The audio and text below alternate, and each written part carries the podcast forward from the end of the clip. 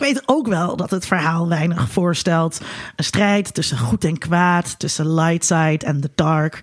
Ik ben geen fan vanwege diepe betekenisgeving aan de film, maar omdat ik het prettig vind om in het Star Wars-universum te zijn. Ik word blij als ik een lightsaber hoor en ik word blij als ik denk aan de Force die alles leven geeft. Ik vind het heerlijk om mezelf op een ruimteschip te wanen, door de gangen te lopen en te voorkomen dat die vermalendijde keizer en een van zijn knaapjes weer een planeet opblazen. Ik breng al zoveel jaar van mijn leven door met deze personages dat ik een sterke band met ze heb. Als ze sterven, moet ik dus huilen. Maar gelukkig zijn ze eigenlijk altijd levend, want ik kijk de films vaak terug en dan geniet ik steeds weer. Of steeds weer meer.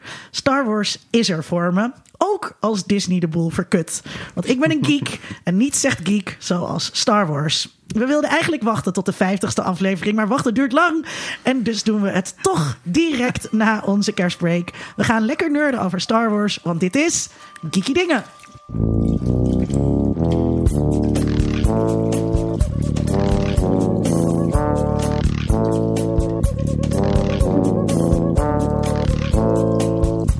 Mijn naam is Sikko de Knecht en ik zou graag vrienden zijn met Qui-Gon. Dat was toch de meest wijze der Jedi. What the fuck? De eerste die zichzelf eh, een afterlife heeft kunnen geven. Als Ja. we volgens mij de canon moeten geloven. En ik heb ook gehoord dat het heel handig is om vrienden met hem te zijn. als je kind ontvoerd wordt. Oh. Maar misschien is dat een andere film. Mijn naam is Tom Amoes en ik zou graag vrienden willen zijn met Lando Calrissian. Want dat lijkt me gewoon best wel leuk. Nou, mijn naam is Sidney Smeets. En ik denk dat ik gewoon graag vrienden zou willen zijn met eh, Yoda. Ik vind Yoda heel leuk. ja, zou je niet gek van hem worden na een tijdje? Dat hij het zo pikt met een stok. Nee. Van al zijn scheetjes, dat wil Ja, je toch dat- niet de hele nee. tijd. Nee. En die seagulls. Die Oh, die Seagull bij season. eh, ja, ja, ja, nee. Nee, ja, nee. Dus ik denk toch gewoon Yoda. Mijn naam is dus Linda Duits. Oh, Dat had ik eigenlijk nog helemaal niet gezegd. Nee, mijn naam is Linda Duits. En ik zou graag vrienden zijn met R2D2. Want die helpt je altijd uit als er problemen zijn. He always saves the day. En eh, ik heb dus ook soms, eh, als Lola de logeerpoes achter me aanloopt naar de keuken of zo. Dan is er eigenlijk ook een soort R2 die me, die me afgal volgt. Maar R2 kan je dan begrijpen. En hij is heel erg belangrijk. Ook R2D2 is toch denk ik eigenlijk wel het meest cruciale personage voor de hele saga. Ah, wel een belangrijke messenger. Laten we daarop houden. Yep, yep, yep. oké. We gaan het dus hebben, lieve luisteraars, over Star Wars. En hier komt de spoiler-waarschuwing. Op al onze papieren staat heel groot. Spoilers, spoilers, spoilers. Spoilers voor alle Star Wars-films. Spoilers voor The Mandalorian.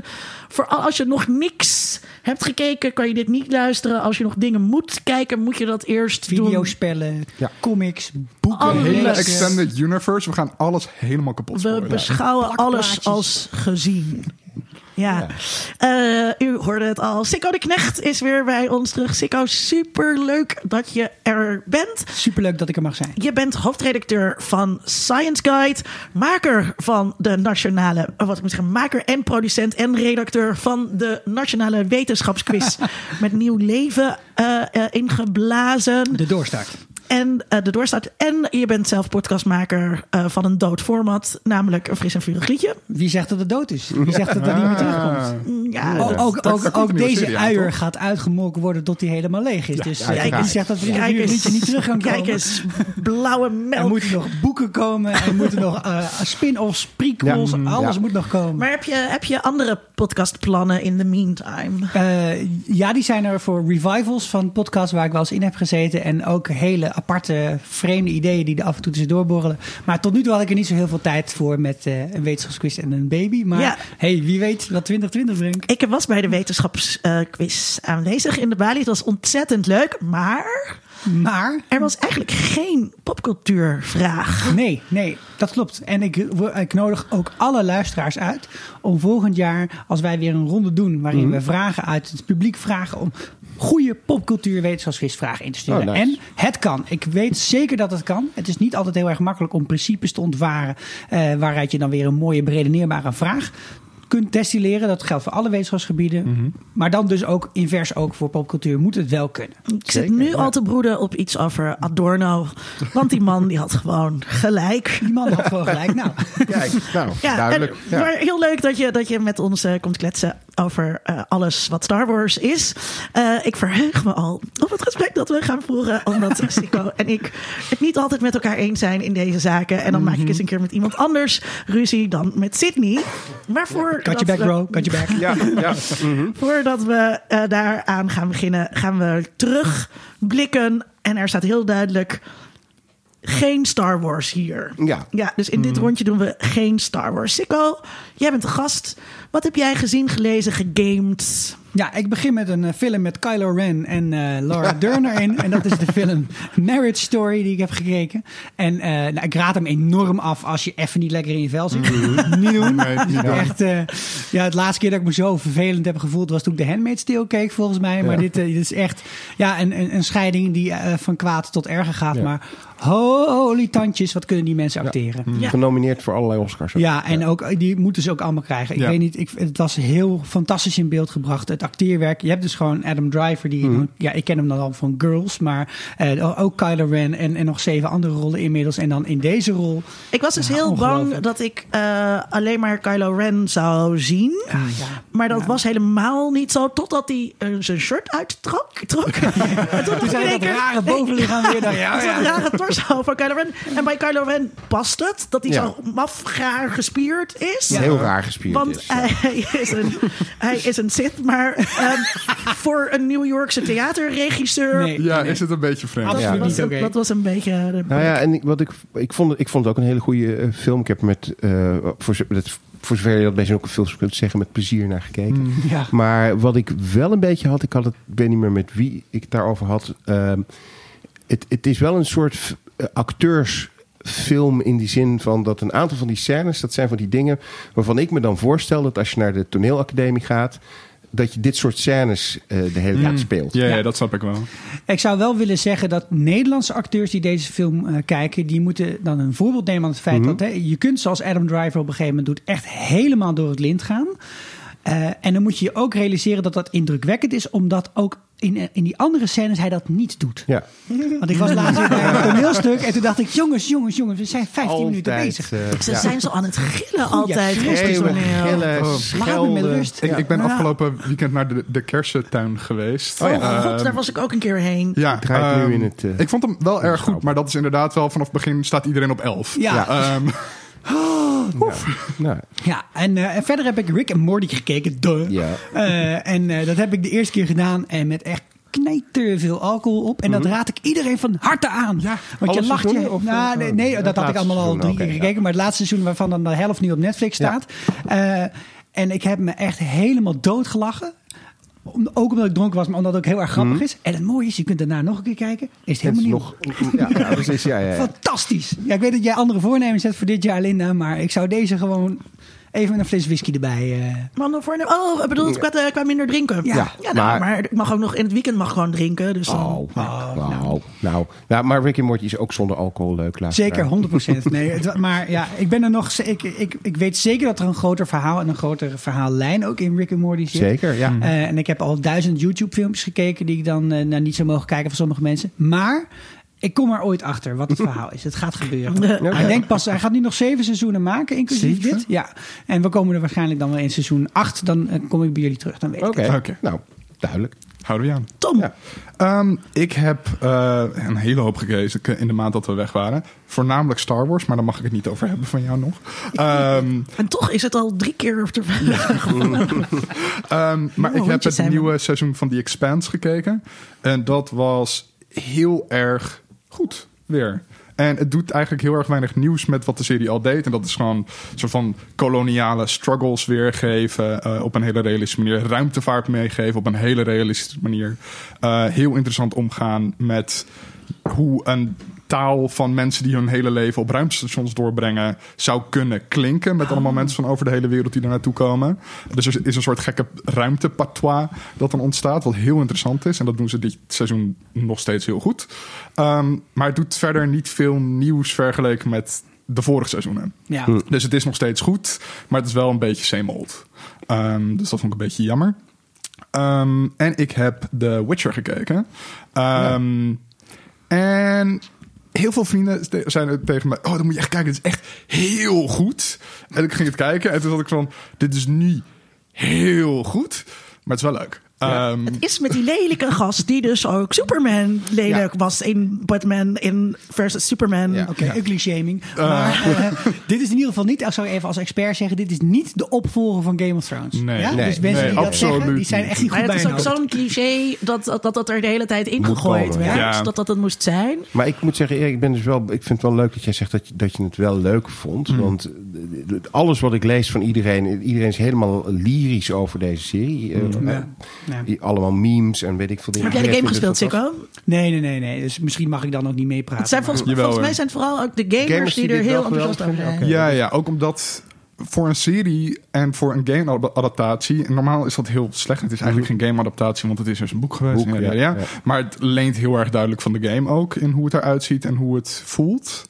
Ehm, doet het heel leuk dat elke aflevering als een soort sidequest die je doet... terwijl je ook ondertussen nog bezig bent met je main quest of zo. Oké. En dat klinkt een beetje als waar we het eerder over hebben gehad... met dat het Adventure of the Week dingen met Star Trek en zo. Maar het voelt echt als soort van sidequest. Oké. Op een of andere manier. Dus dat vond ik heel leuk. Eh, dat je gewoon dan die tussen Nee, ik ben, tussendoor had. ben erg benieuwd, want ik heb de eerste aflevering geprobeerd te kijken. En toen dacht ik van, nou, moi, dit is niet helemaal voor mij. Maar het is wel heel nu slecht iedereen geschreven. zo enthousiast erover is, heb ik zoiets van, misschien dan toch nog. Je Ja. moet sowieso wel even Kijken. kijken, kijken want, Kijk, want het... Ja, zeker. Oeh. Ja, nee, ja. Ik had- aan je status verschuldigd. eh, Ja, ja, je bent aan je status als ja, ik ja, het zelfs ja, ja, gekeken heb. Nee, ik was, ik was wel wel benieuwd. En op zich hou ik niet heel erg van fantasy. Ehm, maar ik eh, vond het wel aardig. Eh, maar er was zoveel eh, te kijken dat ik het even in de ijskast heb gezet. Maar het is wel iets waar ik denk ik nog wel weer Ja, eh, terugkom. Ja, Nou. Ik ben hier bij, de, bij aflevering 2,5 of zo. Ja, dat ben ik ook weer. En echt elke scène waarin Henry Cavill speelt en iets van een spier aantrekt, zit ik echt een keer weer van. Hoe groot is deze man? Ja. Wat de wat hel? Ja, en elke keer als een normaal dus- mens naast hem staat, zit ik van. hè? Maar hier komt het dus heel anders over. Eh, dus inderdaad veel groter Ja. dan in Superman versus Batman. Vol- maar hij is volgens mij niet groter dan dat hij daar is. Nee, Eh, misschien dat- komt het door het haar. Ja. En dat hij nu ook heel erg zo van grizzly en. Of misschien was alle andere mensen zijn heel klein. Dat kan ook. Ja, Speciaal was, gekast. het was een groot probleem tijdens productie dat zijn pakken van leer allemaal te snel sleten, omdat hij elke keer als hij beweegt gewoon schuurt het overal en doet alle spieren Dus was het echt een moeite dat elke keer tussendoor zijn kostuum weer bijgepatcht moest worden. Oh. Oké, Ja. Oké. curious. Hmm. Ja, ik eh, heb gekeken naar eh, Dracula, de nieuwe eh, Dracula. Dracula, Dracula-serie Oh ja. van eh, Buda, BBC Buda, Budapest. Wat was het ook weer? Budapest. Ja. Ehm, van eh, BBC en Netflix, want hij staat dus ook op Netflix. Ehm, ja, wat moet ik daarvan zeggen? Het is, ehm, het is een beetje raar. Het begint ehm, met een verhaal dat duidelijk mm, in de buurt van Bram Stoker's Dracula-verhaal blijft. Het begint ook met eh, Jonathan Harker, hè, het karakter van eh, Keanu Reeves in de, in de, in de film eh, waar we het de vorige keer hebben, over hebben gehad. Dat karakter, daar begint het ook mee. Het begint, er zit ook een Van Helsing in, maar heel anders dan eh, je verwacht dat hij erin zit. Ehm, Fucking Anthony Hopkins. ja, nee, dit Met is een, zijn he- dit is Nederlandse een accent. hele andere en met een redelijk goed Nederlands accent. Ja, moet ik zeggen. redelijk. Ja. Ja, dat is echt. Nou, ik denk wel het beste Nederlandse accent van een niet-Nederlandse Ja, zeker, ja. acteur. Je hebt het ook al gekeken. Dat ik ooit eh, heb ge- gezien of gehoord. ja. dit is wel echt eh, knap gedaan. Ehm, en het is wat ik er lastig aan vind is... ehm, het is van de makers van onder andere Sherlock. En in Sherlock zit een bepaald soort Britse humor. Die heel goed past bij Sherlock. Omdat Sherlock een soort psychopaat Ja. is... eh, die gewoon hele rare dingen doet. En die, dus- die grappig zijn... Ondanks dat hij een psychopaat is. En omdat High functioning sociopath. High, sociopath. En omdat het een Britse vorm van humor is, past het heel goed bij die serie. Bij Dracula krijg je dezelfde soort humor. Alleen is het de vraag, voor mij werkt het niet helemaal in de setting van Dracula. Omdat je de hele tijd zit te denken van ja, maar moet ik dit nu serieus nemen als een horrorserie over Dracula? Of is het eigenlijk de bedoeling dat het een soort comedy is? Nou, het is allebei eigenlijk niet. En dan op een gegeven moment spoiler alert, eh, krijgt de serie ook nog eens een hele andere wending. Waarvan je eigenlijk denkt van, oké, maar volgens mij heb ik nu de eerste drie afleveringen aan een soort pilot voor een, een serie te kijken. Nou, dat blijkt het dan toch ook weer niet te zijn als je het einde Ik las eh, al hele bekijkt. slechte reviews van de, vooral de laatste aflevering. Ja, ik heb het nog niet afgekeken, dus misschien... eh, Het is wel de moeite waard om het even af te kijken als je ja, toch ja. al bezig bent. Hoeveel afleveringen zijn het dan? Vier. En ze zijn wel lang. Ze zijn anderhalf uur per stuk. Ja, ze zijn net als Sherlock Oh, altijd heel lang. ja. Wat, ik, wat ik opvallend vond in de eerste twee afleveringen die ik dan heb gezien, is dat wat Sherlock zo leuk maakte, was dat het een puzzel is. En dat je moet letten op de clues.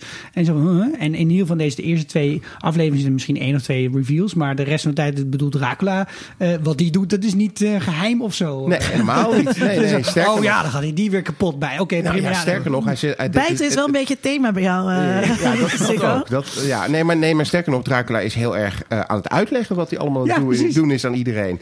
En ehm, ja, wat ik al zeg, dit, dit, dit is een beetje een, een, een rare eh, vorm van humor die erin zit. Ja. Eh, het is wel leuk dat je herkent dat ze proberen om een soort eerbetoon te doen aan eerdere Dracula-vertolkers. Christopher Lee en Bela Lugosi. Er zitten heel duidelijk momenten in dat je denkt... oh, die lijkt wel opeens heel erg op Christopher Lee in, in Ja. Dracula. Dus dat doen ze wel leuk. Eh, maar al met al werkt het, werkte het voor mij niet. Ja, dat is een beetje Dus, voor de, eh, voor de in-crowd voelt het ja. dan. Ja. Ik heb wel het boek ook gelezen ooit. Ja. eh, van, Zeer de moeite waard. En daar lijkt het ook wel in- inderdaad heel erg op. Dat, maar ik zat te kijken met mijn vrouw en die zei van... waarom zit ik zo naar zo'n saai klote verhaal te kijken? Dus ja, dat, dat is omdat. Bram Stoker dat heeft geschreven. ja, ja, ja. Maar goed, ik vond het dus op zich wel de moeite waard om het even te kijken. Maar het heeft absoluut geen prioriteit als je nog heel veel andere dingen op Netflix hebt staan. Zoals bijvoorbeeld eh, Lost in Space. Toch maar even over hebben. Eh, het eerste seizoen van Lost in Space vond ik al eh, gewoon leuk. Leuk gedaan, leuke acteurs. het ziet er goed uit. Niet een heel spectaculair verhaal. Danger, Will Robinson, nou, danger. dat, dat, dat werkt gewoon heel goed. Dat hele idee van Danger Will Robinson en de robot, dat werkt goed. En nu het tweede seizoen ehm, werkt eigenlijk ook weer prima. Het is wel een beetje meer van hetzelfde. Ze zijn nog Dat steeds ook, ja. lost in space. Ja, ja. En er is nog steeds een robot. Alleen is die in dit seizoen, als je het eerste seizoen hebt gezien, weet je dat. eh, is die even een tijdje een beetje buiten beeld. Want er is iets mee gebeurd. Maar goed, het gaat er natuurlijk wel om dat ze die robot weer willen vinden. En Will Robinson is nog steeds eigenlijk de hoofdpersoon, denk ik wel, van de, van de serie. Ja. Hoewel andere mensen in dit seizoen wel af en toe iets meer te doen krijgen.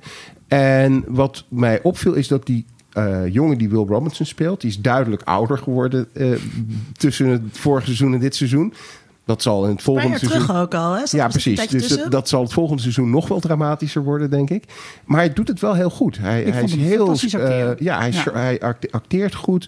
Hij heeft ook een bepaalde charme, waardoor je de hele tijd zoiets hebt van: nou, dit is, de- deze jongen is leuk om naar te kijken met zijn verhaal en wat hij. eh, Je, hoe moet ik het zeggen? Je hebt de hele tijd. die- Het is niet zo dat je denkt van: nou, hij met zijn robot rolt lekker op. Je hebt echt zoiets van: oh ja, nou, ik ben wel benieuwd of hij zijn robot gaat vinden en wat hij ermee gaat doen. En het is gewoon een leuk, leuke Ja. serie. Ik vond ehm, ehm, het een beetje alsof het door J.J. Abrams is geregisseerd. Het is één grote vaart. En er Ja, is het. gebeurt van alles. En dan overkomen ze dat obstakel. En ze Ja. overkomen dat obstakel. En dat obstakel. En dat obstakel.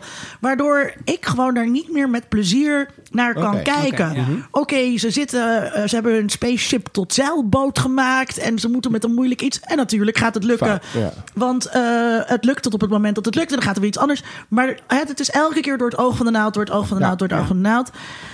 En, dat, en op een gegeven moment dacht ik ja. En dan verlies ik eigenlijk gewoon mijn interesse. Dan kan ik niet meer mee want in de spanning daarvan. Want het is dan dus eh, gewoon niet spannend. Ja, zo, zoals Chicago zeg maar easy listening is, is dit voor mij easy watching TV. Je kan het aanzetten, je kunt ook ook gewoon gaan gewoon scheiden of zo. Kom je lezen. terug Ja. en is het gewoon, ja, oh ja.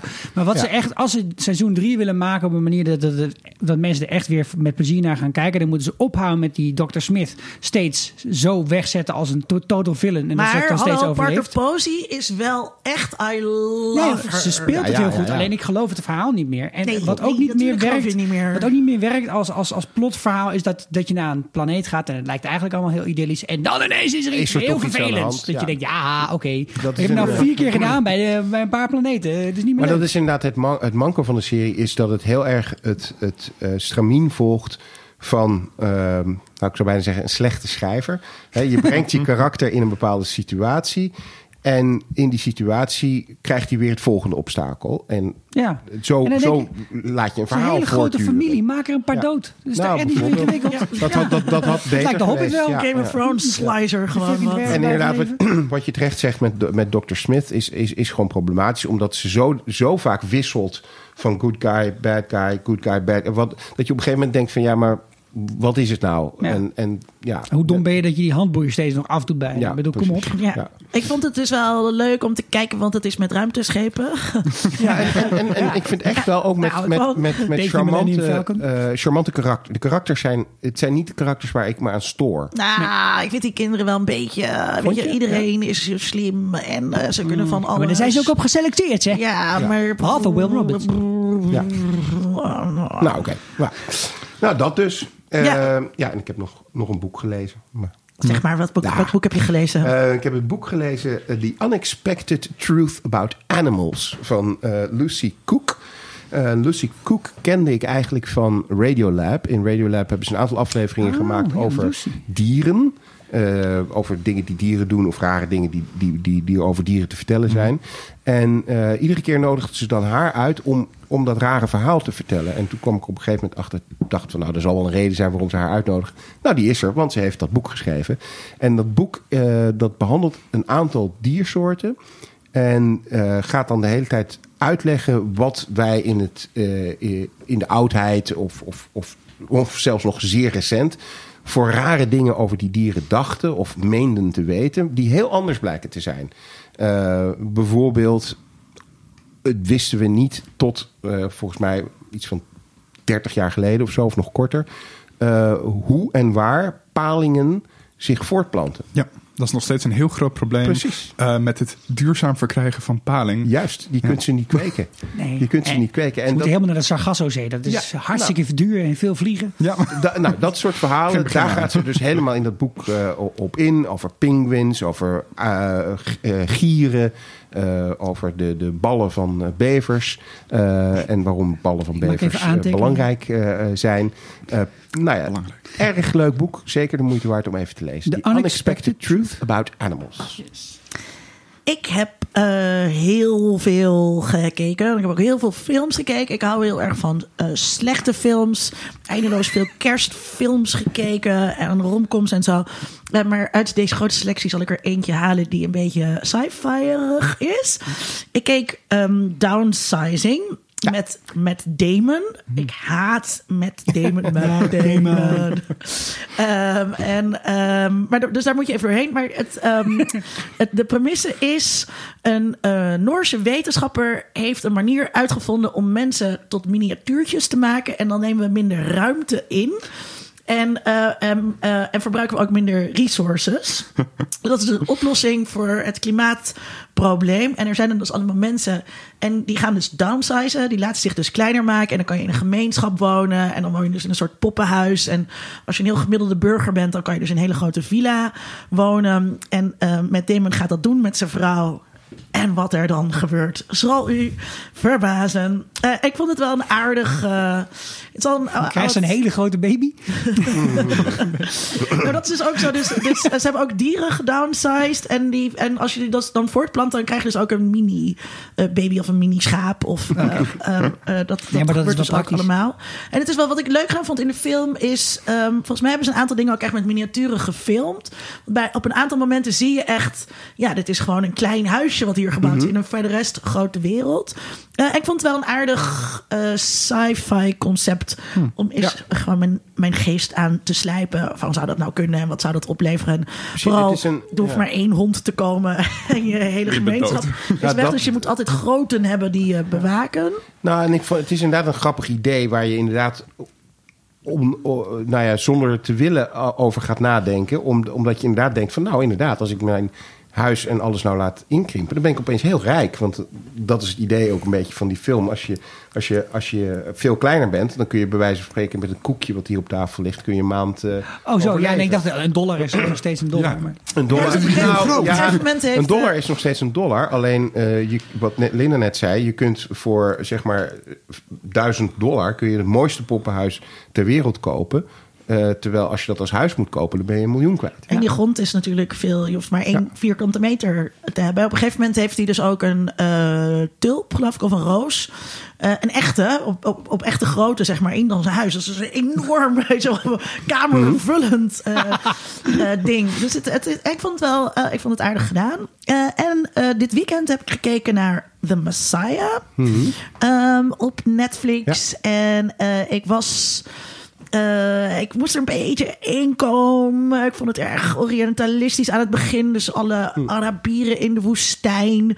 Of in betonnen huizen die kapot gebombardeerd worden. En dan ben je in Amerika. Dan wordt met zo'n blauw filter gefilmd.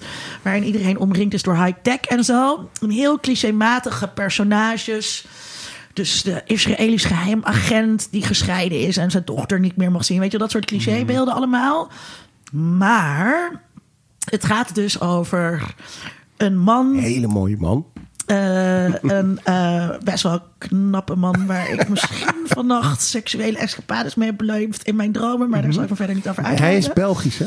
Is hij Belgisch? Hij is Zo Belgisch-Tunesisch. dichtbij. Dat vergroot de kansen. De kansen, ja. Ja, Ehm, eh, dat even terzijde. Hij ehm, wordt dus de Messia genoemd en hij, hij, hij kan van alles. En de vraag is dus de hele serie: is hij een charlatan of is hij, of is hij het echt? En eh, ik kreeg er echt zin van om in God te willen geloven. Eh, Oké. Ik zag al dat Botte hier erg boos om was. Botte Oh. Jellema werd daar heel pissig over. Ik dacht, Oké. ja, nou ja, wat raar. Nee, maar omdat het is... Het is ehm, ik denk dat mensen graag willen geloven. Zeker. Ik denk dat dat in de aard van de mens Ja. zit om ergens in te willen geloven. Dit gaat ook zo meteen het bruggetje natuurlijk zijn naar Star Wars. Mhm. Ehm, ja, je wilt geloven, je wilt dat... ehm, ja, toch dat er, dat er toch meer is in het leven dan, Mhm. ehm, dan wat er daadwerkelijk is. Want ik geloof niet in een God en dat heb Ja. ik nooit gedaan. Maar eh, daar zet het toe aan. Dus Dat doet het ook goed, hè? Want ik heb hem ook gekeken. En het, ehm, het, het houdt het ook spannend, omdat het tegelijkertijd ook een beetje natuurlijk. Het het speelt heel erg met dat idee van je wil het geloven, maar je bent ook gewoon sceptisch. maar je bent ook sceptisch. Precies. En dat sceptische, dat, dat houdt het spannend. Want Ja. daardoor heb je de hele tijd zoiets van ja, maar. En dat doen een aantal karakters in de serie natuurlijk ook. Die gaan heel erg aan de slag met van ja, maar er is misschien ook nog een ander verhaal. Ja, ja, ja. En ik wist al dat er een tweede seizoen ging komen. Wat dan soms een soort van spoiler kan Dat zijn. stond in de geschriften. Maar dat stond in de geschriften. Het was voorspeld. Maar ehm, eh, dat is het niet.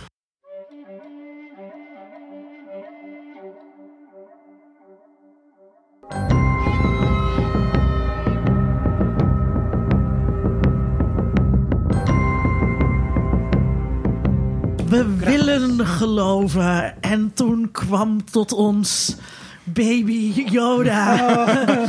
en in één keer was het Star, fan, Star Wars fandom united weer. Al onze vetes schoven we aan de kant. Ja. En iedereen Baby Yoda was alleen de maar verlosser. Baby Yoda de verlosser. Baby Yoda floating in a pod. We gaan het hebben over The Mandalorian. Ja, oké, dus luister misschien even. eh, we hebben dus het Star Wars thema. We gaan het zo aanpakken. We gaan eerst terugblikken op The Mandalorian. Dan gaan we terugblikken op The Rise of Skywalker. En dan gaan we nog praten over hoe het nu What's verder next? gaat Ja. met eh, Star Wars. We zijn volgens mij allemaal fan. Maar ik moet je even zeggen, geen van deze losers heeft vandaag Star Wars kleren aan. Behalve natuurlijk... Oh, hey, is hij van de Uniqlo? Oh, nice. Sorry, Tom had, Tom, Tom had zijn, had zijn kiekdom een beetje verstopt onder een. Maar die heeft een heel leuk BB-8-shirt aan. Hartstikke leuk. Ik heb een Stormtrooper trui aan en Stormtrooper sokken. Ach, Ik kijk naar jou, Sikko. Wat ja, passiert? wat kijk je? heeft een het Obi-Wan Kenobi baard. gooien? Nee hoor, het is, het is ook niet zijn. Ik denk niet dat ik ooit kleren van Star Wars heb gehad. Ik heb echt heel veel prularia en paraphernalia gehad en heb ik nog steeds. Maar dat heb ik eigenlijk Wanneer ben je jarig?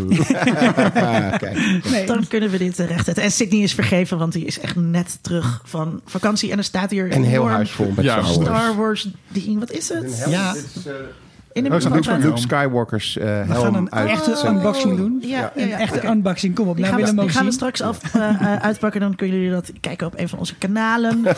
maar dus eerst The Mandalorian. Wat vonden we? Ja, leuk. Tom, ja leuk. Ja, Ja, ja leuk. nee, het is gewoon... Leuk. Het is niet, niet per se het beste wat ik ooit gezien heb op tv, maar het was heel fijn en de sfeer was heel goed en het was heel erg Star Wars, dus ik vond het gewoon leuk. En eh, Ja, wat, ja. wat bedoel je dan met de sfeer was heel goed? Ja, het is een beetje de originele trilogie heeft heel erg duidelijk dat het geïnspireerd is op westerns. En The Mandalorian pakt dat op en maakt dat een beetje de fundering van hoe alles in de serie daaruit ziet en aanvoelt. Hebben En- jullie die ehm, eh, spaghetti trailer Ja. al gezien van Nee. Il Mandaloriano? Ja, die is leuk. Nee, die moet ik even gaan kijken dan. Ja, eh, en gisteren kwam die voorbij. John Favreau eh, zelf twitterde. Oh, leuk. hem. Ja, Ik, ik, maar ik vond dat dus heel goed gedaan. En dat maakt het ook gelijk veel meer. Want ik had net ook eh, in de kerstvakantie de prequels weer gekeken. En daarin is dat dus gewoon niet. Dat is verdwenen. eh, die hele feel. Ja, dat is meer heel, heel urban eigenlijk. Ja, en alles ziet er. En, maar, en maar in- alles, er, Italiaanse riviera. Maar, alles ziet er te slik en te schoon uit. Ja. Het Star Wars universum in mijn hoofd is vies en verracht en niks werkt. En je moet altijd een kabeltje ergens omleiden. ja, maar er was wel dat met die werken. moonsticks. Ja. Dat, Oh ja. Sorry, ja.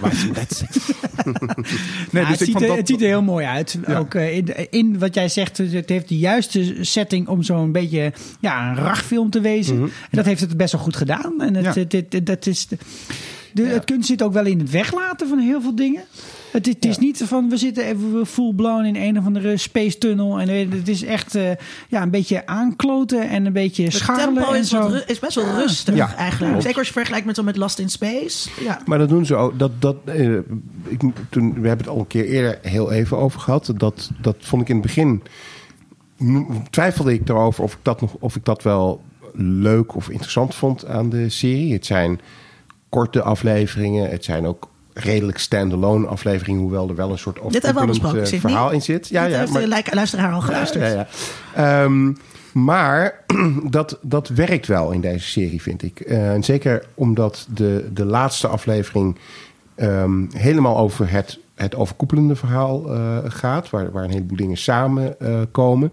Ehm, vond ik het juist dat er af en toe wat afleveringen waren die, die nou ja, wat meer rust namen of gewoon een ander soort verhaaltje vertelden, eh, vond ik wel goed, goed werken. En, Hij eind of die laatste aflevering maakt wel alles goed. Ik bedoel, die- dat Maakt is heel wel goed. Zeker, op de ja. taart. ja, Ja, het dook ook wel echt eh, een beetje in eh, rond de aflevering Ja, 5, het- 6. het is wel ook een beetje de nog een heist gedaan worden. Ja, die, die huisaflevering Nou, vond vond ik echt wel- heel saai. Ja, dat, dat, dat, dat, daar zat weinig risico in voor mijn gevoel. En dan denk ik ook zo'n serie, je kunt introduceren wie je wil, je kunt eruit halen wie je wil. Eh, ik kan mij ook niet helemaal over waarom de Mandalorian nou zo goed is. Want het is eigenlijk best wel een beetje een, een sukkel, vind ik. Bij tijd en wijle wordt hij weer door het ene beest gegrepen en dan pleurt hij weer en dan wordt hij weer half overhoop geschoten. Het is goed dat hij zo'n pakje aan heeft, je wel. Want hij heeft een dus goed. tijd kapot geknald door iedereen. Dus ja, Ja. ik weet niet, misschien Dat moet... pakje is ook wel een beetje Inspector Gadget, hè? Nou, Ja. ik heb, bij dat pakje had ik heel erg een beetje het gevoel. Dus hè, jij had het net over The Witcher. Van, eh, de, het voelt af en toe een beetje als een game of als een sidequest. Ik vind dat pakje dus dat hij steeds met, een nieuw stukje staan dan een nieuw eh, dingetje laat maken voor. Ik heb opgezocht hoe het heet. Sun, sun, sun, sun. Shit, waar is je? Cuirass. Ja, dat, dat, dat is dus een harnas wat bestaat Oh, uit losse deeltjes. Eh, dat, dat hij daar steeds een nieuw dingetje voor gaat halen, voelt heel erg alsof je potracer aan het spelen bent en je steeds je potracer mag upgraden. ja. En dat had ik in het algemeen bij deze Het is een serie. beetje Batman met zijn, met zijn utility belt waar elke keer een ander dingetje in zit. Ja, maar het voelt ook alsof je het moet kopen in de, in de store van Watto. Oh, en dat je het dan mag upgraden. En dat, dat, Dat je eerst een quest moet spelen ja, en dan dus krijg je een daardoor voelt het reward. heel erg als een game. Waardoor het voor mij dan ook wel... Waardoor de afleveringen... Op zich zijn het inderdaad standalone afleveringen. Maar ze voelden niet heel erg consequential. Want je weet gewoon, oh, hij is gewoon Ja. bezig met sidequests om, om meer punten te halen. Op een gegeven moment moet hij echt gewoon geld hebben. En dan gaat hij met een gast samen dan maar even iemand vangen. Eh, want ook heel reëel. Alleen dan vraag ik me een beetje af. Ja, waarom moet ik dit verhaal dan... Waarom moet ik dit verhaal kijken? Ja, nou ja, ik vond, ik, ik, ik, dat spreekt mij juist bij nader inzien. Nogmaals, want ik had het toen ik het aan het kijken was ook een beetje. Maar nu ik alles gezien heb, spreekt me dat bij nader inzien wel aan. Omdat ik denk dat het je in de toekomst, die, die serie, de mogelijkheid geeft om heel breed te gaan. Om allerlei kanten op te gaan. Hij, hij heeft, je hebt nu in het eerste seizoen eh, vastgesteld dat je eigenlijk allerlei... Ik laat je uitpraten, maar ik wil al even aangeven dat ik... eh, Nee, we horen het, we horen het. Ja, dat je dus eh, allerlei verschillende soorten verhaaltjes kunt gaan Ja. vertellen. Dat je, dat je niet vastzit aan van nou, we willen per se één verhaal vertellen en rechtstreeks op het doel afgaan. we kunnen gewoon sidequests eh, doen. Ehm, en dat, dat geeft dus ook de mogelijkheid om dat straks in het tweede seizoen eh, ook te gaan doen. En dan misschien wat meer risico te nemen. Want dat is wel een ding. Heb ik ook al een keer eerder gezegd. En ook in die laatste aflevering, dan zijn ze bezig met het opzetten van dat eh, grote laserkanon. Ja. Nou, iedereen die het Star Wars speelgoed uit de jaren tachtig heeft gehad, die heeft dat laserkanon eh, gehad. En die weet hoe je dat moet opbouwen. Dat doen ze dus ook eh, in de serie. Dat is ergens heel leuk, maar ergens zit je ook wel steeds zoiets van. Ja, maar kom nou eens een keer met iets nieuws of met iets anders. Maar ik denk ook dat dat de reden waarom het niet per se de meest spannende serie ooit is, of Mhm. de meest vernieuwende serie ooit, is dat Disney hier een hele nieuwe streamservice op Ja. launch. Dus dat ze ook Niet juist van, vanuit de productiekant zitten van dit moet heel veilig zijn, dit moet gewoon een beetje een crowdpleaser zijn. Televisie is veel meer risicomijding eh, dan dat film Mhm. eh, dat is. Al is film de laatste tijd meer op televisie gaan lijken Mhm. wat dat betreft. Eh, nee, de reden waarom ik mm, Mhm. zei is dat alles hangt aan Baby Yoda. Dank je. Ja, Dus, Ja, dus dat en daarom waar. zat ik ook bij die eerste aflevering. Oké, Mandalorian, Mandalorian, Mandalorian. Totdat Baby Yoda kwam. dacht oeh, Baby Yoda. Ja. En, en, en dat is het. Die hele serie drijft op cute momenten van Baby Yoda. Het Het is is een soort ook wel elk mijn moment Instagram, dat- ja. waar andere mensen zich door mijn leven heen worstelen. Alleen om een glimpse van Lola op te Ja, vangen. ja. Ja, en Dat, eh, dat, Ja, dat- dat, een keer schopte, maar dat, dat is het dus. Dus ik denk eh, op het moment dat die Baby Yoda verhaallijn... Dus of Baby Yoda moet altijd als een soort R2-D2... eh, het maakje van Blijven, Mandalorian ja. blijven. De sidekick. Mhm. De, de Chewbacca eh to de Han Solo. Terwijl dat kan natuurlijk niet, want Baby Yoda is te groot en te belangrijk. Om, Ja, eh, nou, dat- om alleen dat- maar een furry vriendje te zijn. Dat is inderdaad dat, dat is een goede vraag. Hoe gaan ze dat doen hè, in het volgende seizoen? Want het idee is nu dat hij en Baby Yoda samen een clan eh, zijn eh, gaan vormen. Ja. Hè? Dus dat hij ze heeft nu een samen, mooie tato. ja, samen dus een, eh, als, als foundlings eh, nieuwe familie eh, door, Ik door het leven allemaal gaan. plaatjes voorbij komen online van Baby Yoda met zo'n Mandalorian Ja, precies. op, omdat Ja, dat- hij nooit meer zijn gezicht mag laten zien. Ja, nou, dat, dat twee van de oren eruit. Eh, maar tegelijkertijd gaan ze kennelijk op zoek naar de oorsprong van Baby Yoda. Ja. Dat vind ik een heel gevaarlijk eh, concept, omdat ik denk dat dat alleen maar kan tegenvallen. We hebben. Midichlorians! Ja, nou ja. We gaan Yaddle, we gaan Yaddle te zien krijgen. De Nou ja, andere Yoda lukken. Nou ja, dat, dat, precies. Yaddle was een, was een grote fout. Het idee van Yoda is omdat Yoda uniek Waar is. zat zij ook alweer? in de Episode one. Senaat episode of one. zo. Ja, zij was een van de, van de leden van de Jedi Council. Yoda Oh, dat en heb ik Yaddle. helemaal niet eens Ja, was ook terugkijken nog weer gezien. Nee, maar dan moet je ook Nee. de visual guide kopen, hè, dat boek. En Ja, dan zag je ineens... hier. Ja. Ehm, maar ehm, Yaddle ook. het, het, het, het mooie is nou juist van Yoda dat we niet weten wat zijn ras is. Dat we eigenlijk niks over zijn ras eh, weten. We weten niet hoe ze heten, we weten niet waar ze vandaan komen. Dat geeft natuurlijk de Mandalorian ook de mogelijkheid om dit te doen. Maar eh, het is een beetje be careful what you wish for. You can't always get what you want. Want als, als je nu het antwoord gaat krijgen... Ja. ik denk dat we dat helemaal niet willen. Dat is een beetje wat eh Dan Hester Forrest zei over eh, Solo, een Star 15 Wars minuten. story. Oh, Ehm, dat dat eh, aspecten inkleurt van de Star Wars verhalen. Namelijk, hoe zat het dan met die Kessel Run? Ehm, eh, die, die, die prima oningevuld kunnen Ja. blijven. Nou ja, en dat, dat risico zit erin. Want tot nu toe doen ze dat eigenlijk nog niet. Hè? Want, want er wordt niks in, niet zoveel ingevuld. Het zijn allemaal redelijk, ehm, ik zou bijna zeggen, betekenisloze dingen in het grotere Star Wars verhaal wat we te zien eh, krijgen. Die wel, vind ik, heel entertaining zijn. En Baby Yoda is gewoon hartstikke leuk. Alleen ja, het risico is een beetje ook wat je ook met Lost hebt. Er moet op een gegeven moment wel iets gaan gebeuren Ja. waar we naartoe aan het werken Ja. zijn. En de vraag is of dat eigenlijk wel kan met, met, met deze opzet die ze gekozen hebben. dan loop je wel heel erg op ehm, The Rise of Skywalker vooruit. Oh nee, dat was niet Oh, mijn nee, dat laten we nog even teruggaan dan. Wat- ja, we gaan, bedoeling. we gaan nog even, blijf nog even Want- bij de Mandalorian. Ja, want één ding wat ik ook jammer vond aan Baby Yoda... is dat het ook weer een Yoda ex machina wordt op een gegeven moment. Ik vind Zeker. prima dat hij hem één keer redt. Maar het wordt op een gegeven moment... denk ik, oh ja, maar dan komt straks Yoda wel. Weet Ja, je wel. bij de laatste aflevering was ja, het ook weer, en dat ja. vind ik niet zo spannend. Ik vond eigenlijk die droid die ze in Mhm. de eerste aflevering... en later komt die ook als nurse droid terugkwam... Die vind ik heel leuk geïntroduceerd. En ook eh, überhaupt het, het gebruik van droids vind ik grappig in deze film. Dat je ineens een R2-D2 hebt met benen en armen... die een Ja. gondolier is uit Venetië. En eh, je, hebt, eh, je hebt natuurlijk ook die K2SO gehad in eh, Rogue eh, One. D- dat ze toch wel dingen aan het proberen zijn met die droids. En dat daar ook een ontwikkeling in gaande is. Die, die, die intrigeert me eigenlijk wel. Voor mij, wat mij betreft mogen ze die richting meer uit. Ja, dat was ook echt iets waar ik aan zat te denken als ik denk aan de toekomst, de toekomst van eh, Star Wars. En Ja. dat is ook niet toevallig dat ik dus R2-D2 noemde als, eh, eh, als eh, persoon waarmee ik, of personage waarmee ik liefst vrienden zou zijn. Eh, die ontwikkeling van droids, want daar kan je heel veel mee. Omdat het, ehm, we zijn natuurlijk, we leven in een tijd waar het heel erg gaat over AI, maar dat gaat een hele andere kant op dan, dan deze zelfbewuste droids die heel eh, mechanisch eh, zijn. En echt karakters hebben en ook allemaal uniek zijn. En niet Terminator-achtig naar zijn met, bezig met andere droids maken of zo. Nee, ze zijn, er, ze zijn ooit gewoon in elkaar gezet. En toen hebben ze een karakter gekregen of ontwikkeld. Eh, en, dat, en dat hebben ze nu. Gewoon, ja. Maar dat Ja. vond ik ook wel leuk aan het solo.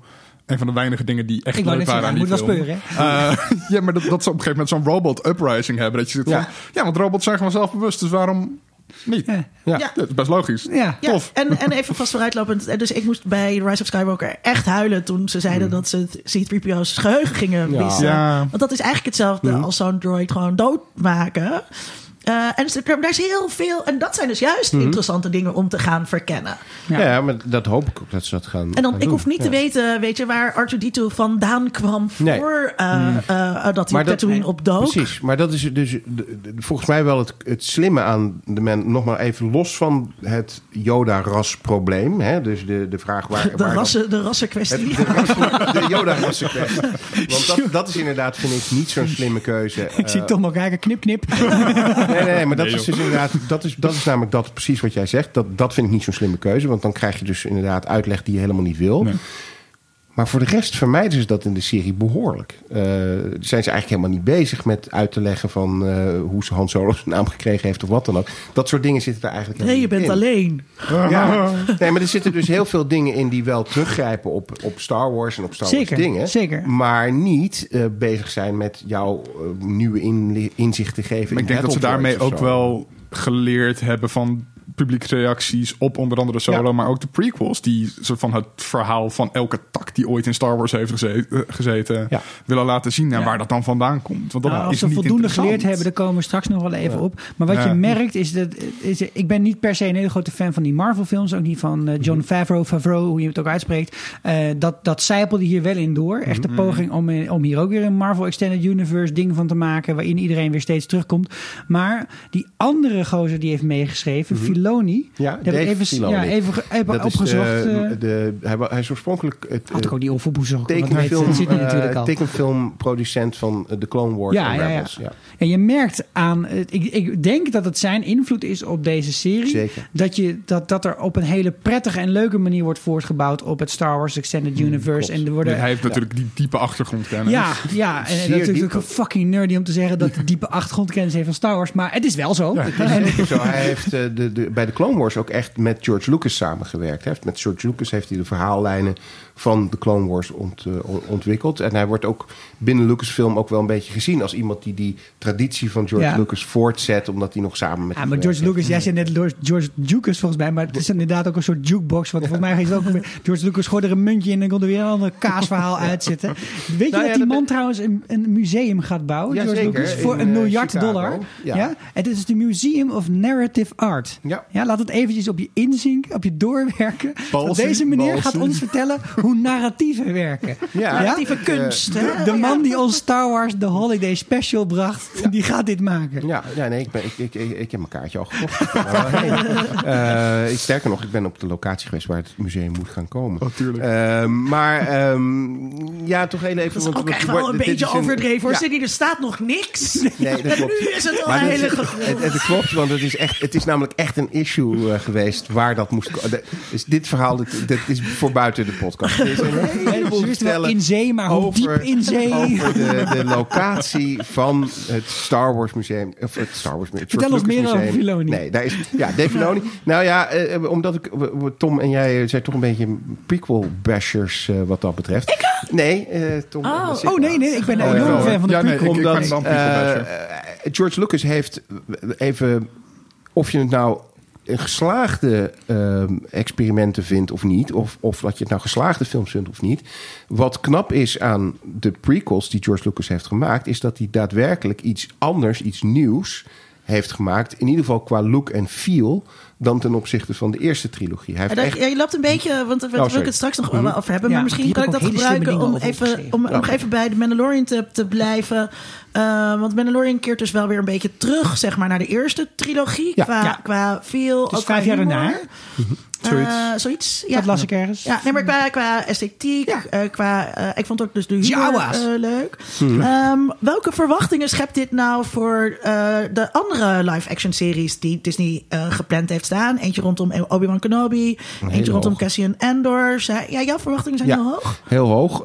Ook omdat. ehm, laten we even beginnen met die laatste aflevering van The Mandalorian. De laatste scène waarin. eh, ehm, eh, nou ja, de, de, de- ik ben even de naam kwijt van. Lo of, Pollo eh, Hermanos. Ja, precies. Toch? Eh, eh, Breaking.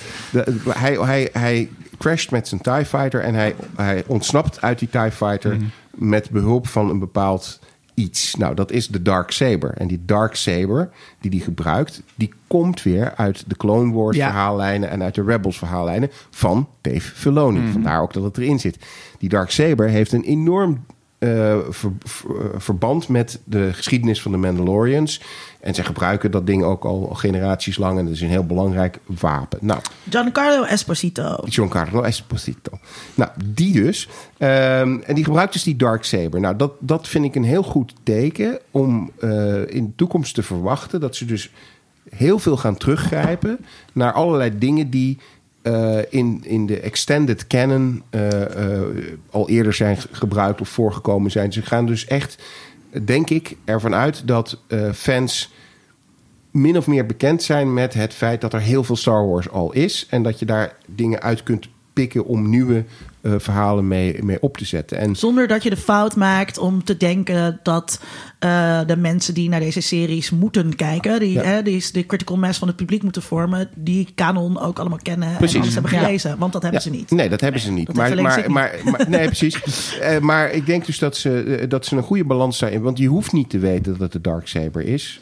Het is Dat een fucking vet zwaard. Ja, inderdaad. precies. ja. Maar als je het wel weet, geeft het je wel een soort gevoel van... oh, Ja. wauw, oké, ja, maar dit weet ik inderdaad. Ja. En ik denk dat ze dat in die andere series ook gaan doen. Ehm, ik hoop bijvoorbeeld voor wat betreft eh, Obi-Wan... eh, dat er een Darth Maul eh, verhaallijn in komt. Ik hoop nog steeds op Solo 2... Eh, ik vond Hmm. het einde van Solo, Solo echt de moeite waard om een vervolg op te maken. Eh, en ik hoop dat ze, en ik denk ook eerlijk gezegd dat ze in Obi-Wan eh, daar iets mee gaan doen. Eh, met het feit dat Darth Maul nu een eh, misdaadsyndicaat leidt. Dat zat ook al trouwens in, eh, in de Clone Wars. Ehm, dus het lijkt me ook logisch dat ze daar op de een of andere manier op teruggrijpen. En dat Obi-Wan daar iets mee te maken eh, eh, gaat krijgen. Maar Obi, Obi-Wan gaat toch hoe hij op Tatooine toezicht houdt op de jonge Luke. Ja, maar ik denk dat hij wel over iets family. meer gaat. Want als, als hij namelijk alleen maar gaat over toezicht houden op Luke... dan Ja, is het dat een saai, hoor. saaie serie. Ja, want het is ook Eh, Luke kent Obi-Wan een beetje niet. van... oh ja, dat is die gekke oude man die daar Ja. over de berg woont. Ja. Ja. En we hebben ze ook al een keer samen op Tatooine gezien. In eh, Rebels eh, is een aflevering eh, geweest waarin, waarin ze dat laten zien. Eh, dus ik kan me niet voorstellen dat het alleen maar daarover gaat. Ik denk dat Obi-Wan iets gaat doen. Dat hij ook van de planeet afgaat. Ik neem aan dat hij niet alleen maar op Tatooine blijft. En voor wat betreft Cassian Andor, dat is denk ik de serie met de meeste potentie. Omdat dat gaat over een gedeelte van het verhaal wat we echt niet eh, eh, kennen. Hè, dus zeg maar het begin van de rebellion en eh, eh, het echte gevecht tegen het keizerrijk. Wat we, En, en wat ik dus wel, leuk vond aan Rogue One ook... is dat het ook een soort van een beetje de gritty kant Ja, van de rebellion laat zien. Dat dat niet allemaal een soort van pure helden zijn van het goed die Ja. tegen het kwaad vechten. Wat dat betreft lijkt de Mandalorian toch wel het meest op Rogue One. Ja. Ja, ja, Misschien ook wel waarom ik het zo goed kon luchten. ja. Is of ja, je mag dit verhaal gewoon vertellen. Je moet niet te veel buiten die katers gaan lopen beuken en dingen gaan lopen, ver- hè, lopen verkrachten voor al die andere films. Maar als je gewoon, dan mag je binnen, dan mag je je sandbox, je mag lekker doen wat je wil. Ja. En dan kun je ook je best doen om eens een keer een goed verhaal te schrijven. Ik- wat, wat ja. verwacht jij voor eh, die toekomstige series? Ben je, stemt dit hoopvol, zeg maar? Ah, nou, het, zeg maar, in principe moet je als weldenkend mens ook gewoon tegen de veramazoniseering van de wereld zijn en zeggen ja, dat je gewoon 4 miljard hebt betaald voor een franchise, betekent niet dat je het gewoon tot in de al eeuwigheid mag lopen uitbuiten. Maar waarom zouden ze anders die 4 miljard betalen? Ja, nee, tuurlijk is snap Omdat je ook- eeuwig kunt cashen op die films Ja, die er dat al wel. liggen. Ja, ja, nou dat, dat ook. Ja, maar, maar Je Donald Duck schrijven ze ook nieuwe- nog nieuwe Als je de verhalen. Beatles-rechten hebt, dan hoef je geen nieuwe liedjes Nee, te maken. het hoeft niet per se. Nee.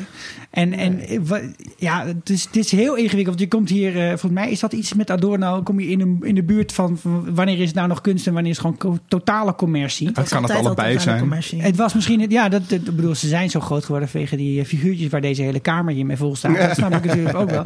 Ja. Eh, ik weet niet, je, voel, je wil als, als, als Maar het was natuurlijk, fan en een als Hoop kijker... is nooit een arthouse film geweest. Nee. Hè? Nee, het is Nee. eigenlijk gewoon ook een hele slechte film. Als je er gewoon naar kijkt als van wie heeft die plot in vredesnaam geschreven. Maar het ziet er gewoon heel vet uit. En, maar waar, ik, tuurlijk voel ik iets van, oeh, ik wil ook dat verhaal van Obi-Wan Kenobi wel eh, zien of zo. Maar dat is omdat ik weet dat Ewan McGregor gewoon een goede acteur is. En omdat je dan wel een goed starting position hebt om vanaf te beginnen. Maar ja, op een gegeven moment kan iets heel erg contrived en, en, en een beetje Lost in Space-achtig gaan voelen. En dan bij Lost in Space is je, is je level gewoon, je verwachting is gewoon wat lager. En als je dat met Star Wars gaat lopen, dan zeg je ja, ja, maar nu zit je echt gewoon. Hè, nu laat je mij nog een keer een film van een zielig pupje zien, omdat ik dan weer betaal. Dat, dat, dat- daar is een grens aan, denk ik. En die, voor mij was die bij de trilogie eigenlijk al bereikt. Ik heb voor deze aflevering die, eh, die film dan ook gekeken in de bioscoop. bij de Mandalorian had ik dat gevoel gewoon wat minder, dat het gewoon wat, wat, meer, wat, wat ingetogener was. En gewoon Ja. een, een, een meer op zichzelf verhaal. En ook gewoon op, eh, op een kleine manier heel goed uitzag. Ja. Was gewoon, ik, je, hebt, je hebt altijd die speeders heb je over het zand zien gaan op een totaal horizontaal vlak. En nu gaan ze als een soort super coole motors. Dat soort dingen, daar, ja, daar kan ik wel van genieten. Het kleine Ja. eh, vind ik dus, dit stond ook voor later pas in het uh, maar het kleine, ik, ik vond, en misschien moeten we dan nu al overgaan uh, om uh, te praten over. Nou, nog, nog één ding over, over die, Ja, die series. Dan Van, stik ik me opmerking even in. Ehm, ik ben wel bang dat ehm, op een gegeven moment dat ook weer heel formulaisch kan worden, ook qua toon en zo. Ja, want, dat weet ik wel zeker. want dat we, we hebben nu de worden. Mandalorian, dat is een soort western in de ruimte. En dat is natuurlijk ook waar Star Wars vandaan komt, wat ik net zei. Maar Obi-Wan wordt dat dan misschien weer? Want hij zit weer op een woestijnplaneet en hij gaat misschien tegen een misdaadsyndicaat vechten. Dus dan hij, gaat hij weer een beetje er in natuurlijk achterkomen dat er nog Jedi bestaan. En dan Ja, gaat dat hij... sowieso. eh, want, Ja, dat want er, sowieso. er, er- er zijn ook nog... Dat, daar, Dave Filoni eh, doet dit. Die zal ook bij Obi-Wan betrokken zijn. En eh, dat is helemaal zijn ding natuurlijk. Er zijn al nog Jedi. Daar gaat Rebels onder andere ook, Ja. eh, ook over. Dus dat zou helemaal niet raar zijn... als je bijvoorbeeld Kanan of, of een andere Jedi... in contact ziet komen met Obi-Wan op de een of andere manier. Ehm, ja, nee, ik, ik verwacht er eigenlijk wel een heleboel goeds eh, van. Omdat ik denk... als je kijkt naar de Marvel-franchise... Liever niet. Nou, jawel, want ik vind, ik vind dat een goede franchise en ik kijk daar met veel plezier naar. En een van de dingen die ze daar slim hebben gedaan, is dat ze niet bij alle films, maar bij een aantal films gekozen hebben om regisseurs te kiezen die een ander soort film maken dan in de franchise eh, tot dan toe was gemaakt. Hè, Taika Waititi is er een voorbeeld van. Eh, meer van die Ant-Man is een ander soort film dan de meeste eh, eh, Marvel-films. Er zitten wel heel veel overeenkomsten in. En zitten natuurlijk Maar ook in een wel. serie moet je wat meer interne consistentie hebben. Bij series is het ook vrij normaal dat regisseurs Wisselen. wisselen. Ja, en dat de showrunners belangrijker zijn dan de Juist. regisseurs. Ja. En waar ik dus, wat ik, wat ik hoop en ook wel een beetje verwacht, omdat ik denk dat ze dat wel van Marvel gezien hebben, dat dat werkt, ook bijvoorbeeld ten opzichte van DC, waarbij dat dus niet gebeurt en niet werkt, is dat ze bijvoorbeeld ervoor zouden kunnen kiezen om Cassian Andor, eh, om dat een heel ander soort serie te laten zijn Ja. dan The Mandalorian. Weliswaar binnen de context van de serie een consistentie te hebben, maar echt bijvoorbeeld een, een, een spionageverhaal of een, of een huurmoordenaarverhaal of weet ik veel. Iets heel Wat allemaal ander soort. Dat voel je Nou, wel. toevallig noem ik nu even allemaal Het zou best wel Dat kunnen waar. werken, maar, dat is... Ja, maar dat, zeg, maar dat zeg je ook over Obi-Wan en Darth Maul. Want dat is, wordt ook een misdaad. Ja, dat klopt, omdat ik dat nu toevallig zo Ja. bedenk. Maar ik bedoel, die karakters het gaat is dat mij, de het weg gaat mij die niet. je opgaat. Ja. Als je de prequels bekijkt, hè, dus eh 1 tot 3, dan zou je ook nog best wel logisch kunnen maken dat je van Obi-Wan, dat je daar een, een semi-politieke serie Dat van zouden we maakt. eerder bij Politieke Cassian thriller. Andor Dat- ja, dat eh, zou- verwachten. Oh, bij. Endor, bij, eh, daar, daar zou ik dus inderdaad willen zien. Oké, je bent dus gewoon een, een, een inwoner van eh, de Empire. En op een gegeven moment bedenk je niet langer. Ja. Niet, Ja. niet no, Ja, no ja. must. Eh, dat, dat, ehm, ja. Maar ik vrees, het, eh, ik vrees het ergste.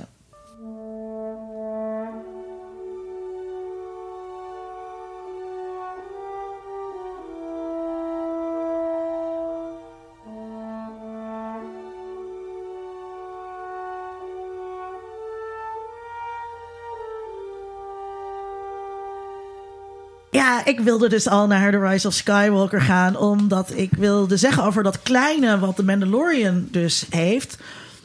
Is, dat is een van de dingen die ik heel slecht vond aan The Rise of Skywalker. Ik vond meerdere dingen slecht aan The Rise of Skywalker. Eh, dat eh, eh, kan geen verrassing zijn misschien voor de luisteraar. Ehm, maar ja, een van de dingen die ik dus zo slecht vond was... Alles is in de overtreffende trap. En dat was al irritant met... We hadden een Death Star en toen kregen we een Starkiller base. En nu hebben We hadden twee Death Stars. Ja, En een toen hadden we Starkiller. Starkiller Base. En die Starkiller Dus base gewoon een derde al- van de films gaat over een fucking Death Star. Ja. Iemand, iemand, ik zag een tweet vandaag van, waarvan iemand zei dat zijn dochter had gezegd: Waarom noem je het de Death Star? Dan weten de Rebels meteen dat je het op moet blazen. ik zou het de Hope Star Ja. noemen. Eh, maar ook Starkiller Base. Laat het niet staan, daar wordt niet over. Nee. Maar nu heb je dus een hele vloot met schepen die ook allemaal planeten kunnen destroyen. En het is gewoon veel te groot. Ja. En ik ben alle Sith. En ik ben alle Jedi. Jedi. Holy fuck, wat vermoeiend. Maar goed, laten we eerst even een rondje doen. Want ik vond nog veel meer dingen kut aan The Rise of Skywalker. Ik ben heel benieuwd, want ik weet het van jullie allemaal. Weet ik ook dat jullie deze film kut vonden. Maar jij, Sikko. Ja, wat wat vond jij? Ik betaal nog geld voor zo'n kaartje ook. Hè, en ik neem van de vorige keer dat ik naar zo'n Budfilm ging, neem ik speciaal die bril voor de IMAX mee naar de Pathé Arena. En dan zegt dan diegene die mijn kaartje controleert: Nee, we hebben tegenwoordig weer een andere bril. Dus ja, nee, het zal toch godverdomme ook weer eens niet zo zijn dat ik nou 17 weer een, laser. IMAX bril op mijn haarsjes moet plempen. Nou, en- en ik heb stelt die oude nog uitgeprobeerd. Dacht ik, zal, zal het toch zijn? Dat, hè, dat, nee, maar het werkt, niet. Het werkt niet, mensen. Dat kan ik gelijk vertellen. Ehm, nee, ik ging met eh, frisse tegenzin naar deze film. En dat is omdat ik de vorige film eh bij nader inzien. Want ik heb mij daar ooit op een andere podcast zeer positief over uitgelaten. Maar echt in, in de loop van de jaren is deze wijn verzuurd. En niet, eh, en niet mooier geworden in, in zijn boeket. En ehm, ik, ik, had, ik had heel erg zo. Ik had al gehoord van mensen die zeiden: Nou, ja, ja, nee, goed, ja, nee. Het is eigenlijk niet echt een fantastisch. Hij gaat een paar van de verhaallijntjes eh, vastknopen en weer een beetje repareren. En toen, ja. Ik had heel erg gehoopt van, nou, ga mij dan vertellen waar al die shit uit de vorige eh, episode, waar die dan op sloeg. Hè? Want ik was aanvankelijk was enthousiast over het eh, gedachte dat iedereen een Jedi kon zijn, dat een Force kon hebben. En eh, over nieuwe liefdesrelaties en 17 andere dingen die zijn geïntroduceerd. En het was allemaal voor Piet Snot. Ja. Die hele film, die vorige film hadden ze gewoon niet hoeven maken. Die kunnen ze naar een alternatieve realiteit sturen voor mensen die daar Star Wars kijken. Want daar klopt hij waarschijnlijk met alles. Maar hier slaat hij nergens op. En deze laatste film. Je kan toch verdomme niet zeggen dat je hebt gezegd van hè, je, Ray is niemand en dat doet er allemaal niet toe en iedereen kan eh, bezemstelen bewegen met de Ah, nee, Force. het is toch en blauw dan bloed. is het toch, Toch een, blauw bloed. toch een Palpatine. Krijg Ja, nou toch nee. het ene weer. Maar dat was... Hoe kan ze... Ik ben hier zo boos over. Echt. Hoe kan ze de kleindochter zijn van Palpatine? Ik heb dus Ja, eerst... daar heb je dus- een intermediate voor nodig. Ik heb dus eerst, ehm, Mhm. ik had, voordat ik naar de film ging, had ik even The Last Jedi nog een keer gekeken. En toen ben ik dus naar de film gegaan. Eh, toen heb ik, daarna heb ik alle films weer gekeken vanaf The Phantom Menace. In ehm, eh, dus de, de eh, chronologische volgorde. zoals het, eh, eh, de, de tijdslijn is, zoals de historische volgorde is. En ik heb natuurlijk op zitten letten. En het slaat gewoon nergens op. Oké, hij heeft dus een zoon gekregen. Daar heeft hij nooit omgemaald. Is hij nooit naar gaan kijken. Hij vond het nooit erg dat die zoon niks deed met de dark side of de light side. Dat was gewoon, straat is geen, kan, het kan, het kan een generatie overslaan. Een soort Dr. Evil en Scotty. Maar Ja. dan hou je altijd in de gaten waar die zoon zich nou precies bevindt en wat hij allemaal aan het doen is. En op het moment dat hij dan een baby krijgt en je denkt, er staat een generatie, dan ben je er meteen bij. En je bent de fucking emperor, supermachtig. Dan ga je toch zelf even naar Jakku en dan voel je toch gewoon waar zij is. Het slaat gewoon nergens op. Ja. Het is onnodig en het slaat nergens op. Het was veel logischer geweest als je dan per se wilde dat er familiebanden waren. Dat ze de dochter van Skywalker, van Luke. Ja, maar ik Was- vond het Ja, zo verfrissend. Ook qua tijd maakt dat meer uit. Of- Ik vond het zo Solo, verfrissend dat het niet hoefde. Dat Ja, vond ik juist Ja. wel Precies, leuk dat aan is die een van de vorige mooie film. dingen aan The Last Jedi. No one. Hè? En, en, en, wa- en waar waren dat hele verhaal met feminisme uit die vorige film? Waar is dat in vredesnaam heen? Oeh, dat is met Nou, alle, alle geklaag is- van de fanboys. Oep, in de prullenbak Ja, gegooid. nou, net Nou ja, als Rose, dat- want die is ineens helemaal niemand. Die, die, die heeft nog minder eh, tekst dan R2D2. maar daarvoor Ja. kregen we een hobbit. Ja. Oh. Maar goed, dat is. maar dat, is dat, is, dat is puur en alleen omdat die acteur bevriend is met J.J. ook- Ja, Abrams. maar dat is ook het probleem van J.J. Een van de, een van de vele problemen van J.J. Abrams. Ehm, ehm, wat ik, wat ik, Sidney is ook van heeft de- zijn microfoon vastgeklapt. Nou, ja, nou ja, wat, wat, ik, wat ik jammer vond aan eh The Rise of Skywalker eh, is een aantal dingen. Het eerste is de eh, exposition. Ik weet niet wat, de- wat het goede Nederlandse woord daarvoor is, maar dat is het, het Nee. idee dat je dus eh, het, het, idee van een goede film, een goed theaterstuk, eh, zelfs van een goed boek, gek genoeg, is show, don't tell. Je laat iets zien, je laat iets gebeuren. Je gaat niet woordelijk uitleggen wat je bedoelt, want dat is niet interessant. Dat heeft Linda ook al meermaals bij sommige films in deze podcast gezegd. En dat is wat er de hele tijd in die film De hele eh, tijd. gebeurt. Er wordt bijna letterlijk en soms twee of drie keer achter elkaar verteld wat er net gebeurd is, wat we net gezien hebben. Of en wat, we- wat er al- nu gebeurt. Of we wat zijn op een planeet met een festival. Ja. hey, we zijn op een planeet met een festival. Ja, we zijn Burning Man. Maar het duurt nog geen twee minuten. Nee. Hè, het eerste akkoord van het nummer is nog niet eens gespeeld. En dan zijn er weer bad guys. Maar goed, maar, maar dat, dus dat, dat, is, dat is één ding wat me gewoon eh, eh, qua vorm van de film heel erg stoort. Want dat stoort me namelijk altijd in films als er te veel exposition is. Of als de exposition niet goed wordt gedaan. We hebben het er geloof ik eerder al eens over gehad. Er zijn voorbeelden van exposition die perfect zijn. Ja. Die, Oh, de eerste eh, de- Ocean's Eleven, zeg maar. nou, bijvoorbeeld, Dat of, had of, wat of we hebben Terminator eh, al een keer genoemd hè, als een voorbeeld van een film waarin heel veel uitgelegd wordt, verteld wordt van hoe het verhaal in elkaar zit, omdat het kijker het wel moet weten, maar gebeurt op een hele goede manier. Dat gebeurt in deze film echt niet goed en ook echt te veel. En Dat is vooral wat jij zei toen we, hem hadden, Ja. toen we uit de bioscoop uitliepen. Het is de hele tijd show en tell. en tel. En dat vond ik heel storend. Het tweede wat ik heel storend vond, is dat er voor mijn gevoel een aantal echte fuck yous naar de vorige film in zitten. Hè, een echte fuck you, eh, fuck you naar de Nou, Last zelfs, Jedi. zelfs Sicko die The Last Jedi dus niet meer goed vindt, vindt dat, Ja, dat die en, fuck yous en erin dat, zitten. dat- ik, ik heb daar wel een beetje over getwijfeld. Want de eerste keer toen we hem samen hebben gezien, heb ik, had ik ook nog zoiets van: ja, ik moet het nog een keer gaan kijken, nog even laten bezinken. Eh, of dat nou een fuck you was, of dat dat een soort van grapje was, of dat het juist misschien een soort eerbetoon eh, eh, was. Oh, zo nee. kun je het. Oh, kun je het ik, heb mensen, ik heb reviews gelezen waarin mensen het zo noemen. Maar dat is het niet. Nee, het is een fuck Tom? you. Het is op een moment, ja, voor, even dat puntje, één, één puntje afmaken het moment in de, eh, eh, aan het eh, begin van eh, eh, The Last Jedi, waarin Ray de lightsaber aan Luke geeft en hij hem vastpakt en hem dan weggooit, daar kun je van alles van vinden. Kun je goed vinden, kun je slecht vinden, kun je van alles van vinden. Maar als je dan vervolgens in de volgende film de Force Ghost van Luke haar laat tegenhouden op het moment dat ze die lightsaber wil weggooien. Omdat hij zegt, ja, je moet respect hebben voor de lightsaber. Dan is dat gewoon fuck you naar... eh, Ja, dat is heel duidelijk film. tekst van... Ja. Ik, ik ga nu in dialoog met deze film en Ja. ik vind er wat van. Maar nog veel subtieler. Maar Als wacht je, even, wacht even, want Tom, Tom mocht. Ja, ehm, dus ehm, ehm, er wordt even een raam dicht gedaan op de achtergrond. Ehm, Ik ben inderdaad een vrouw dus... die het altijd koud heeft. Ah. Ja. Eh, het is dus inderdaad een fuck you naar inderdaad alles wat The Last Jedi eigenlijk opzet. Alle karakters die er geïntroduceerd in worden. De karakterontwikkelingen die doorgegaan worden. Ehm, zeg wat je wil over The Last Jedi, maar het heeft bepaalde ideeën. The Rise of Skywalker is een film zonder ideeën. Maar dat was niet genoeg. Ze moeten die ideeën uit de vorige film ook nog eens een keertje weggooien. Ze moeten alles er niet doen.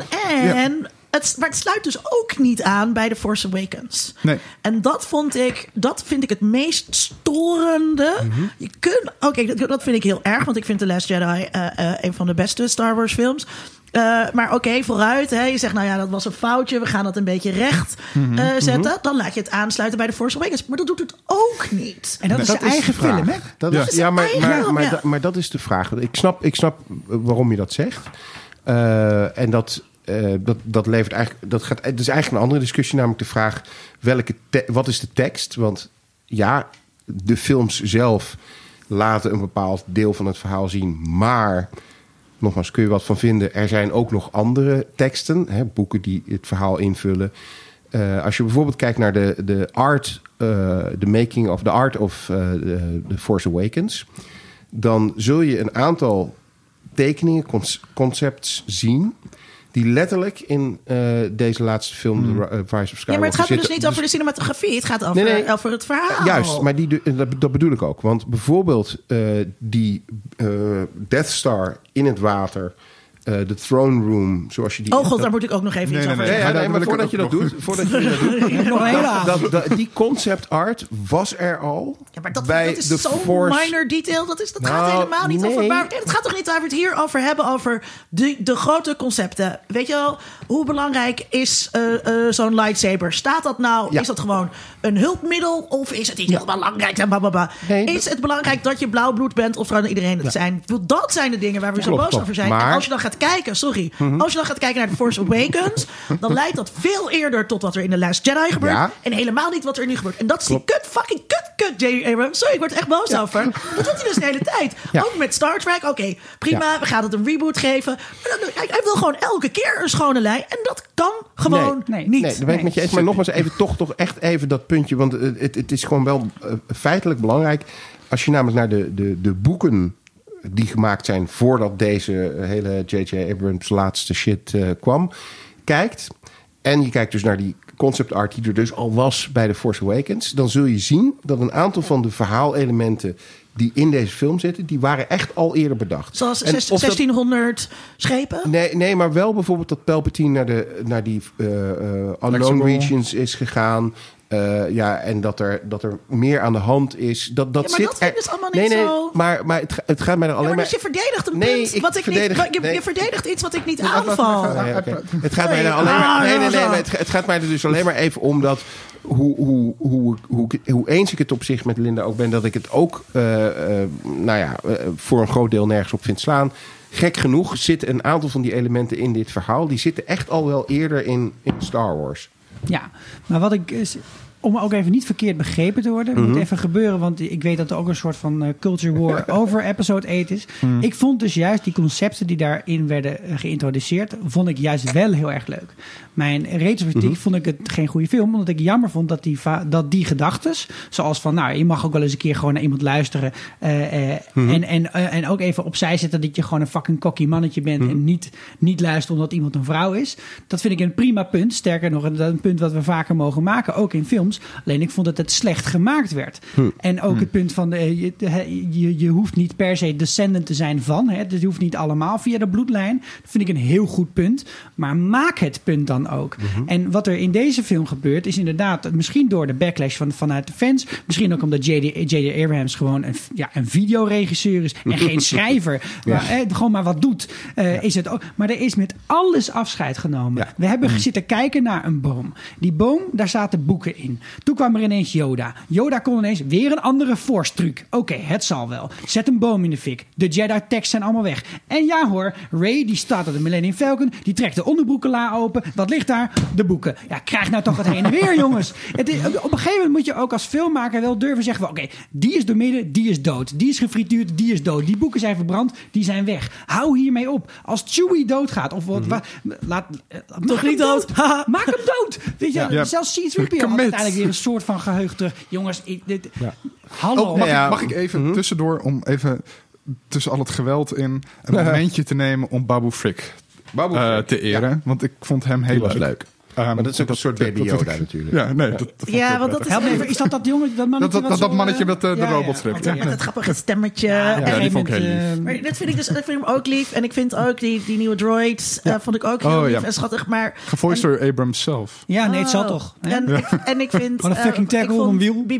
BB-8 ook al leuk en schattig. En dit is toch wel echt Disney. Hmm. Eh, hè, we hebben ontdekt dat dingen die klein en schattig zijn heel erg aanslaan. Ja. En dat vind ik dus ook kut dat ik er dus ook op aansla. En dat Ja, heb ik maar- eigenlijk heel vaak met J.J. Abrams. Want uiteindelijk is de film. Er zit heel veel vaart in. Je verveelt Hmm. je voor geen minuut. Of geen seconde. Eh, weet je, je kunt Ik heb nauwelijks me heel erg ademhalen. vermaakt. Ja, Het is, dat is lastig het aan is deze film. echt, ik blijf erbij, Adorno, Adorno, Adorno. het is zulk entertainment dat tot ook, en dus tot in het vervelende toe, weet je wel. Je weet Mhm. dat het een, een spectaculair verhaal is en dat het heel erg zo er, er lekker ingaat, weet je wel. Het is echt, echt een Ja, McDonald's hamburger waarbij de smaak helemaal is uitgekristalliseerd Ja. met genoeg zout en genoeg Mhm. zoet. Terwijl McDonald's, en uiteindelijk denk je, McDonald's hamburger is niet lekker. Maar heel veel mensen vinden het lekker. En er zit ook wel, ja, dus dat is precies de hekel ook Nou- die ik eraan heb, zeg maar. Snap je? Dus dat je maar wordt dat is er ook ook wat- wel ingetrokken. Maar het is eigenlijk gewoon kut. Klopt. We, hebben het, we hadden het toen we samen naar de film waren geweest, eh, hebben we een broodje eh, gegeten. We vinden elkaar niet echt onaardig. Nee, helemaal niet. Eh, en toen, toen hadden we het er ook over. Het is gewoon geen slechte film. Dat is het probleem van deze film. Het is geen slechte film, omdat er te veel in zit... wat gewoon precies doet wat het moet doen.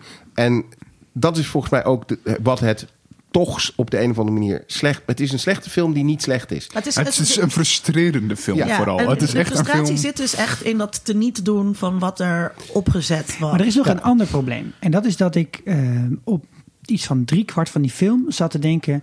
oh ja, dit zijn mijn helden toch?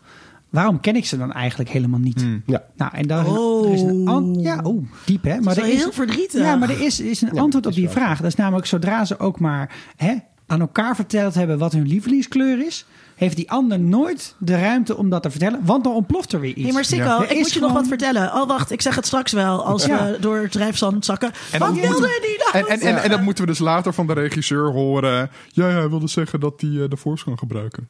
Ja, Ja, dat was precies. het. Dat was het. En, anders, en ik, ik heb hem, daarna heb ik hem weer herkeken. En dan zie je ook wel, dus door de film Maar- heen, dat Ja. hij een paar momentjes heeft dat hij dingen aanvoelt. Ik, maar Tom, ik bedoel, als wij samen bijna doodgaan, Ja. dan ga ik toch niet iets over mezelf vertellen. Dan zeg ik, Nee. Tom, bedankt voor alle toffe vriendschap. Weet je, alle mooie tijden Maar die we dat hebben samen dan gemaakt. zeg je ook niet, ik moet je wat vertellen. Dan zeg je, wel, ik kan ook de Force. Ja. Het is toch iets heel raars om aan het Tijd einde is te zeggen. Ik kan heel goed klopt. kunstschaatsen. Maar, Ja, maar als los je dan dus ziet hoe goed Kylo Ren, hè, Adam Driver, kan acteren. Ja. Ja, En dan zie Dat je dat hij. Op, en dan, mo- dan moet je dus hem nageven dat hij in de, de korte tijd die hem geschonken is, om even met Gandalf's woorden te spreken, toch nog voor elkaar heeft gekregen dat hij het zo lekker heeft neergezet. Vinden ze er helemaal petje af. Hmm. Maar het, die mensen krijgen gewoon niet de ruimte om te acteren door Nee, al die fucking komt- explosies. Ja, Adam, nou, niet alleen Adam door- Driver, op het moment dat hij weer eh, Ben wordt, Mhm. Dan verandert zijn gezicht gewoon. Ja. Hij Ja. is En zijn knap, hè? torso dus ook, hè? dat klapt helemaal in. En, maar dat is, en dat vond ik zo goed gedaan. Heel ik vind goed echt, gedaan, ik ja. was nooit zo'n Adam Driver fan. Maar dat kan ik, gewoon. Maar Dat ben ik nu wel, gewoon. ook naar Marriage Story. Het is Maar- echt een ontzettend goede ja acteur. maar goed, maar daar, ook daar zit weer een, aantal dingen in waar, waarbij je dus afvraagt van... oké, als hij nou... eh, hè, hij, hij grijpt dan achter zijn rug en dan heeft hij die lightsaber en dan was gaat zo hij leuk. haar helpen. Ja, maar waarom is dat niet de lightsaber van Lea?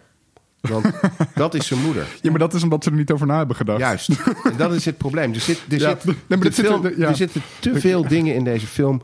waar inderdaad eh, niet lang genoeg over... Er is wel over nagedacht, maar er is niet lang genoeg over nagedacht. Mhm. Nee. Ze hebben gedacht, oh, dit is cool.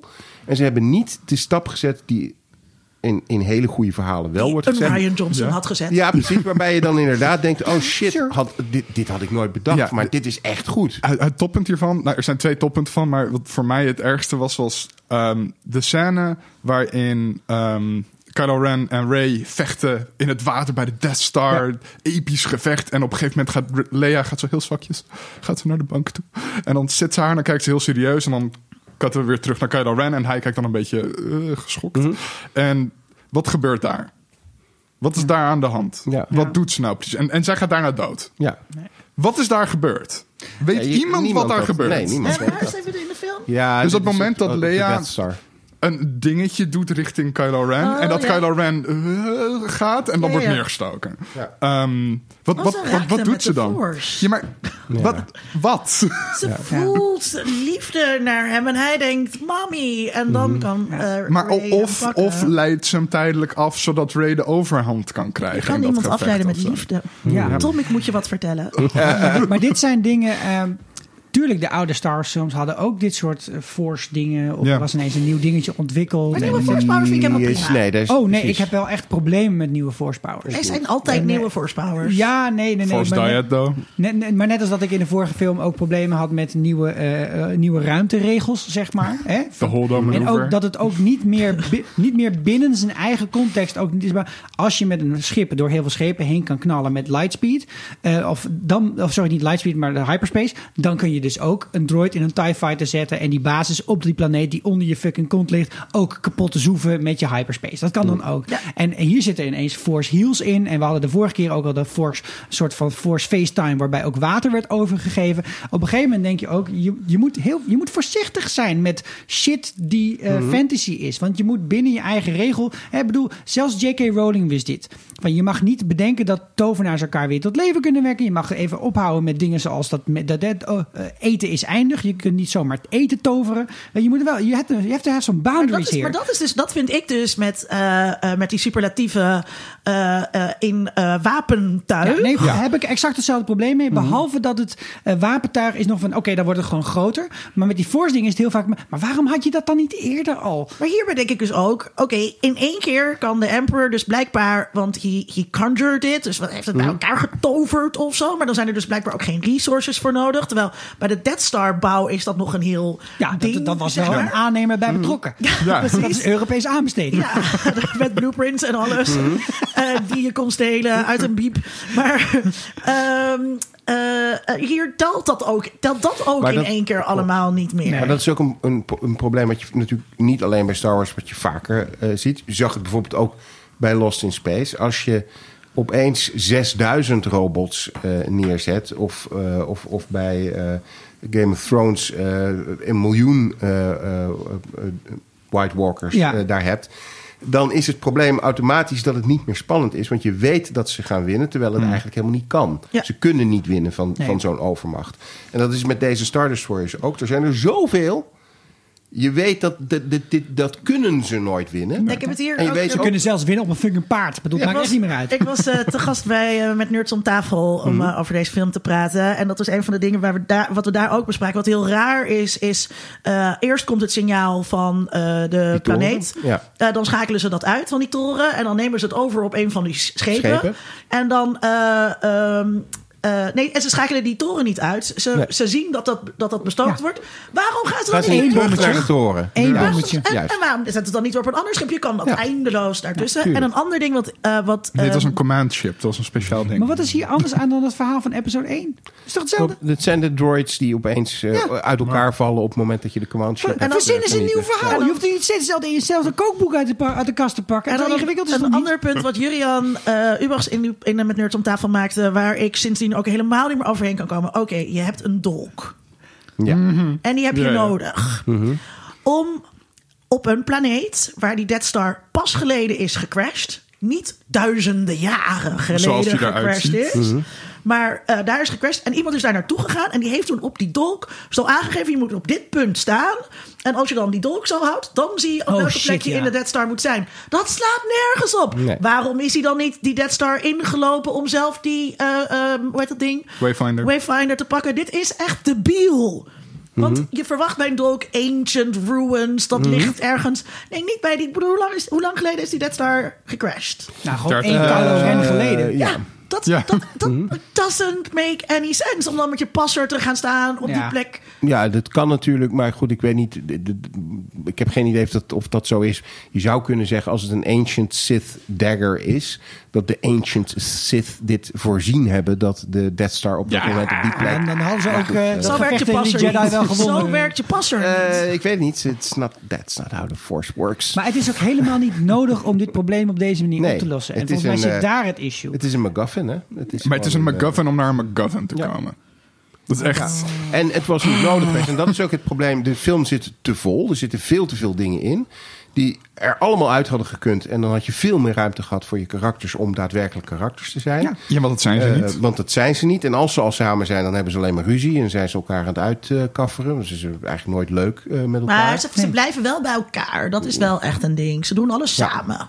Dat vond ik dan zelfs wel Behalve jammer. met ja, Rose. Maar, ja, maar niet met Rose Ja, inderdaad. Met, met Rose. Rose, ga, weet je zeker dat je niet mee wil? Nee, ik heb dingen te doen. Ja, je moet hier naar een scherm staren. Laat mij maar even. Maar, ehm, het- Tom, jij wou nog een tweede punt zeggen naast eh, het ene punt dat je net maakte. Oh ja, dus ook gewoon dingen waar ze niet over na hebben gedacht. Eh, aan het einde dat ze dan die twee lightsabers begraaft op Tatooine. Dat doen ze. Nee, maar dit, dus dit, is, dit is een breder probleem. De film doet dingen omdat het betekenis heeft voor het publiek, niet betekenis heeft voor de karakters die het doen. Wel gezegd. Die is, Eh, dat is en mooi. dat zie je dus met Tatooine. Waarom zou je Luke en Leia Sabers begraven op Tatooine? Luke haatte Tatooine, wilde daar alleen maar weg. Leia is er nog nooit Wel, geweest. ze was er een tijdje de slaaf van een slak. ja, Dat is wel waar. ehm, Ja. fond memories. En waar Ehm, ga je als eerste lightsabers die begraven zijn zoeken? Op de plek waar je bent misbruikt natuurlijk. Ja. ehm, nee, dus dat is weer. Het heeft betekenis voor het publiek, maar niet, Niet voor de kijkers, ja. de ki- Eh, en ook eh, Ray. Ray even- is überhaupt nog nooit Tatooine Wel geweest. nee, van los, van de vraag hoe, bestaat zij niet überhaupt, hoe, hoe ze überhaupt weet dat Skywalker, Luke Skywalker, bij Owen en Beru Lars in de Lars Homestead op Tatooine heeft hij misschien een keer verteld toen ze op dat eiland... eh, Ik vind en waarom slechte überhaupt- informatieoverdracht is in dit eh, universum. Volgens mij Ja. hebben ze allemaal enorm last van bitrot en Art Nee, maar dat is een weer- ander probleem. Dat is inderdaad. Eh, dus de vraag van hoe weet ze dat van Owen Brulas? Oké, misschien heeft hij dat verteld op het einde. Ja, zou kunnen. Maar, maar wanneer heeft Leia aan Luke verteld dat ze altijd al wist hoe het met Ray zat en dat ze eigenlijk een Palpatine was? En dat, dat kan helemaal niet. Misschien dat, een correspondentie met, met eh, wat was het ook weer in de Star Wars Holiday Special? Dan kunnen ze toch gewoon video bellen? Oh ja. Oh, Dat is ja. waar, Ja, ja, nee, ja. dat, Ja, dat gewoon. misschien hadden ze een de hele tijd dat Luke kwijt of was. zo. Ja. Ja, ja. Ehm, en, Maar, eh, maar ehm, nog, nog één ding ook. nog één ding. De- van, nou, Want we met gingen dit nerden en we zitten nu echt een bitchen. Ja, Oh ja. Is ook Eh, lekker. is, ook lekker. Ehm, dat ze de naam Skywalker neemt. Ja. Terwijl ze dus maar echt een paar dagen met Luke getraind heeft en maanden met Leia. Waarom niet Ray Organa? Want dat is Ja. veel natuurlijker, want dat is de persoon met wie ze een band had. Ik dacht dus ook, Rise of Skywalker... Dat is dat Kylo weer Ben Ja, wordt. Benny. En die Ja. had ook dan niet dood hoeven gaan. Gaan, nee. Maar dat, is dan, dat maakt sens. En dit maakt inderdaad geen het sens. was logischer geweest als Ray dood was Maar nu gegaan. word, ik ook, nu word ik ook weer helemaal boos over die kus. Ja. Je, Ja. Een soort van ehm, broer, zus, toch liefdesrelatie. Kan allemaal in Star Wars universum. Daar bestaat blijkbaar geen telt, vind ik niet erg. Maar nu is het gereduceerd tot alleen maar een soort liefdesrelatie. Dat ze dan gaan, ja, ze gaan een soort van tongen. ja, dat, dat hoeft gewoon. Dat haalde ik er niet dat uit, Had, nee. dat had echt niet gehoeven. Dat had echt geen kus hoeven zijn. Terwijl natuurlijk wat wel een kus had moeten zijn. Als Poe en Finn elkaar aan het einde van de Eindelijk. film zien. Ja, Ja. ja, ja, En dat ja. hoeft ook helemaal niet gay te zijn. Ook heteromannen kunnen elkaar op de mond kussen. als ze elkaar een hele tijd niet gezien hebben. en elkaar obviously heel aardig vinden. Ja. Ja. maar ze moesten allebei ook een hele duidelijke hetero-relatie optie Maar ze gaan, echt, ze gaan een echt een hele rare, rare hug doen ze dan. Ja, Maar het- en hij is dan met wel paardvrouw. En met wie is, wie is die andere? Paardvrouw. Oh, die, Maar- die met de helm. Oh, oh ja, ja, oh, ja, Americans. die was er ook ineens. Ja. Zo, man, ik heb hem maar één keer gezien, die film. Hè, dus ik, denk- ik, Maar dat ik is had- ook... Ja, maar dat, ik dat dacht nog fiets, want ik ben vast dingen vergeten. Maar dit, James Bond liefje Maar- is zij Ja. dan... Oh. Ja, nou ja, wat, dat is dus weer een van. eh, eh, dat is een van die zoveel. Wat je dus wel helaas vaker in Star Wars hebt. eh, van die karakters. Die dan op de poster staan. en waar de, waar, de, waar de action figures van gemaakt worden. maar die eigenlijk volstrekt Captain Phasma. overbodig zijn in het verhaal. Waarom zit zij erin? Dat was, was niet nodig geweest. Je had het op een hele andere manier. had je datzelfde verhaal kunnen vertellen zonder haar. Nog even dat wat jij net zei van The Rise of Skywalker. Ik was bij een screening, want ik heb de film nu drie keer gezien. eh, eh, van de film. In aanwezigheid van een aantal van de mensen die hem eh, gemaakt hebben. En dan met name moet je denken mensen die. Eh, op die eh, Coachella-planeet een van de, van, de, van de poppen eh, hebben bediend. Ja, ja. Maar goed, eh, ze waren er wel en ze, ze, ze waren het een en ander aan het vertellen over de film. En aan het einde van de film mocht het publiek dus vragen stellen aan, de, aan, aan deze makers. En op een gegeven moment, het was een jongetje van een jaar of twaalf of zo. En die vroeg dus inderdaad van, ja, waarom heet de film eigenlijk eh, The Rise of Skywalker? Ik snap het niet. en daar hadden ze dus ook eigenlijk geen goed antwoord op. Die titel is gewoon van tevoren door een of andere commissie bedacht waarschijnlijk. Nou, het En- voelt heel erg alsof ze op de Reddit-pagina van Stars hebben zitten Ja. kijken of een poll hebben uitgezet onder diehard fans. Zeiden van, oké, Nou, waar gaat deze laatste film over? Komt A, Palpatine terug, komt B, dit. En dan eh, C, Jar Jar Binks is een Sith. En dan was, was Palpatine was 12% en daarmee dus de grootste groep. Dat is wat er gebeurd is, toch?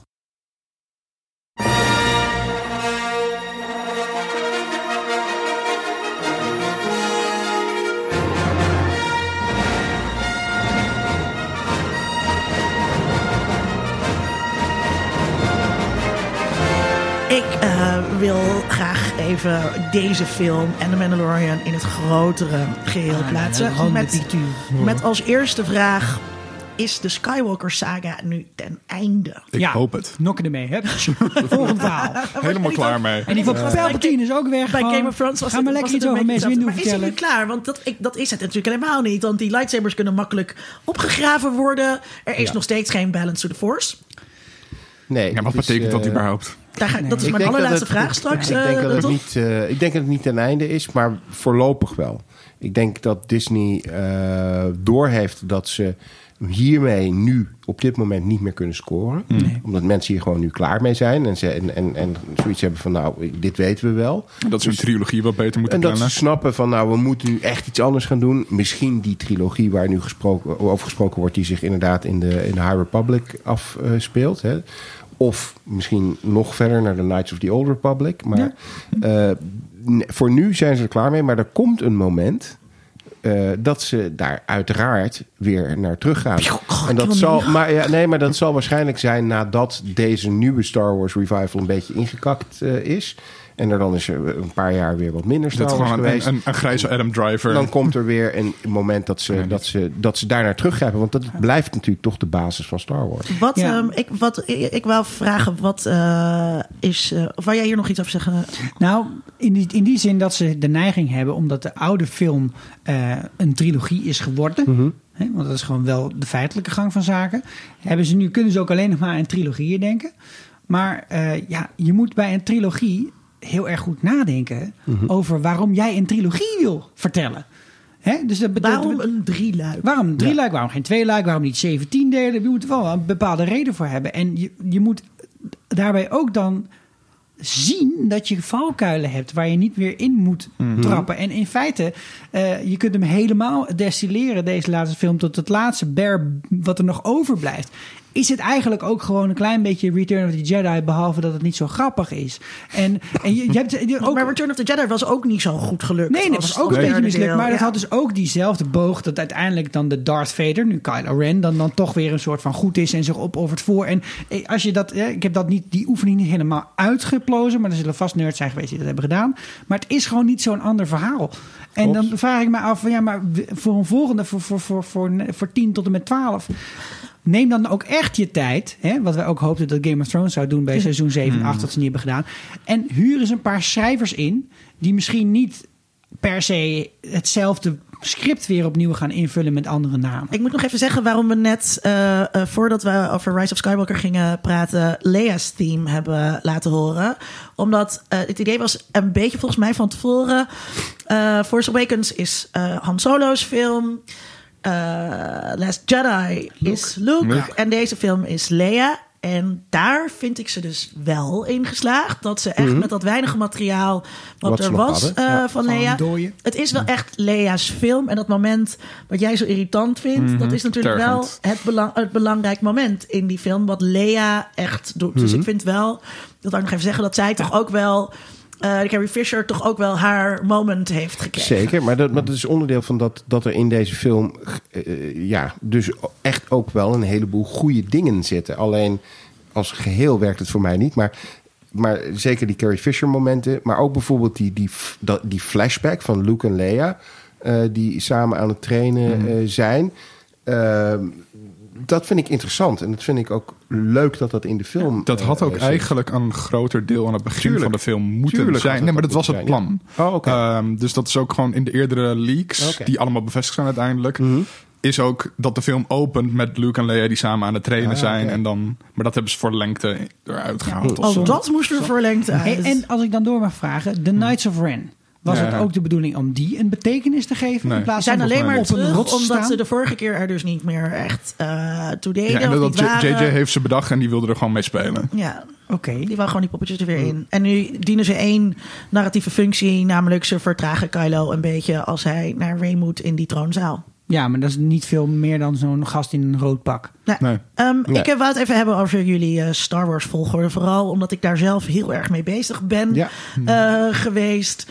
Ehm Sikko, Ja, je wist, Nee, je je wist dat deze vraag kwam. Ja, dat, ja, dat, ja, jij stuurt eh, godverdomme halverwege de ochtend een draaiboek op... terwijl ik al twee weken om vraag. Nee, ik kan je geen definitieve volgorde geven, want dat durf ik ook niet meer. Nee, maar je mag Ehm, er ook meta over praten. Nee, ik ga er zo op deze manier mee te over praten. Ja. Dat mijn theorie is als volgt, en die is eh, onomstotelijk bewezen. Dat de Omdat eerste. Ja, zeker. De eerste Star Wars film die je kijkt, is volgens mij gewoon altijd een goede film. Als dat niet is, hou je niet van Star Wars. Dat is klaar. En vanaf daar ga je dat Star Wars-universum ontdekken. En dan wordt het waarschijnlijk steeds minder oké. Dus er is een generatie die, begonnen met, die is begonnen met een nieuw hoop. En die vindt dat gewoon de beste films. Ik ben echt een kind van de jaren negentig in dat opzicht. Ik ben begonnen met de Phantom Menace. Er was niets wat je kon verzamelen. Tot echt gewoon barcodes op de achterkant van melkpak in de vorm van R2-D2. ja. Wat ik niet verzameld heb. Alle boeken, alle fucking vliegschepen, alles. eh, Potloden in de vorm van lightsabers. Wat is heel makkelijk te doen. Alles had ik. En zelfs 2 en 3 vond ik al niet zo erg goed meer. En, en deze hele reboot is voor mij. Was sowieso al heel questionable of ik daar überhaupt heen ging. Maar ik weet zeker dat die generatie die nu is begonnen met kijken. The Force Awakens ook gewoon weer heeft geslikt als zoete koek. Hè, als, als, als hoestmedicijn met alcohol erin. Dat vind ik. Ik vind dus altijd die mensen die zo dwepen met Empire. Ehm, nodig. dat, dat is echt omdat zij jong waren toen die films Mhm. eh, uitkwamen. En het is niet iets wat je een soort. Sowieso kan je die volgorde natuurlijk helemaal niet objectief samenstellen. Mhm. Je kunt helemaal niet spreken over of een van deze films echt de beste is. Het is een kwestie van smaak en subjectiviteit. Van je subjectpositie, je leeftijd, maar ook eh, je gender en je politieke kleur. eh, die meespeelt. Wat we heel erg hebben gezien in de reacties op, eh, op The Last Jedi. Waardoor ik het dus ook heel belangrijk vind om van mensen te weten wat hun volgorde is. Omdat ik daarmee die mensen kan plaatsen en kan zien. Zijn dit mensen waarmee ik bier wil drinken? Zijn dit mensen waarmee ik seks wil hebben? Of liever Oh, wauw, niet? oké. Ja, dat is heel, heb je, heb je ook heel op je datingprofielen deze volgorde staan? Ik doe of? dit dus serieus. Ik doe dit dus echt op dating sites. Oh. Want ik heb allemaal Star Wars kleding aan op eh, foto's die ik daar heb. Dus dan raakt het gesprek onvermijdelijk op Star Wars. En dan vraag ik dus ook. En als ze dan echt een boring opinion hebben, dan ghost ik ze. Oh. Nou, het Ja. is voor mij een hele fluïde lijst, laat ik dat dan zeggen. De, de film die mij de afgelopen vijf jaar de meeste lol heeft bezorgd, is Rogue One. Nou, dat vond ik echt oprecht de leukste film van Star Wars die ik heb gezien tot nu toe. Ja, Eh, in de afgelopen vijf jaar. Ik eh, heb daar natuurlijk ook al meermaals over nagedacht. Van welke volgorde, welke volgorde, welke volgorde. En ik heb ook bedacht waarom vind ik de volgorde die ik heb... nou, de, de volgorde waarin ik het liefste kijk. En het, het komt er volgens mij op neer dat ik gewoon... bij alles wat ik eh, kijk, lees en eh, doe...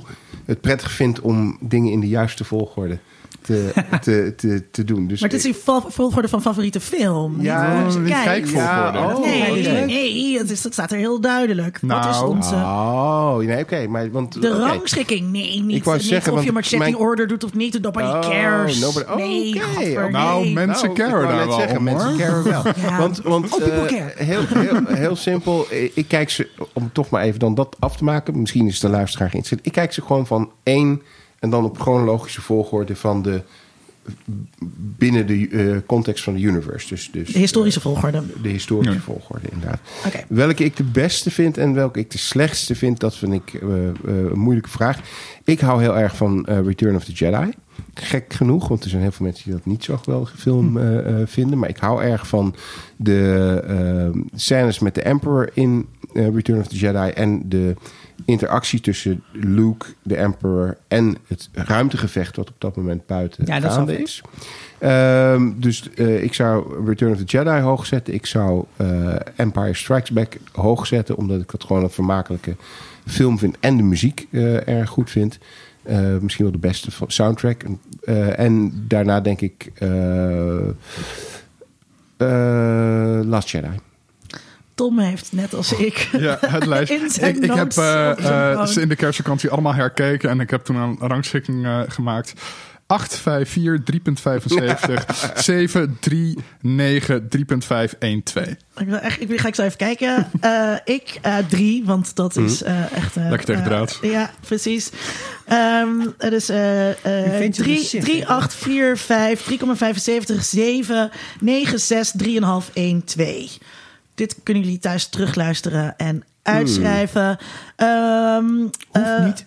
Hoeft Mag niet, wel. Hoeft niet, mag wel. Eh, Tot slot, ja of nee antwoord. Kan er ooit balance in the force zijn? Nee. Ja. Nee. Nee. In a world. In a world. World. World. World. In a world.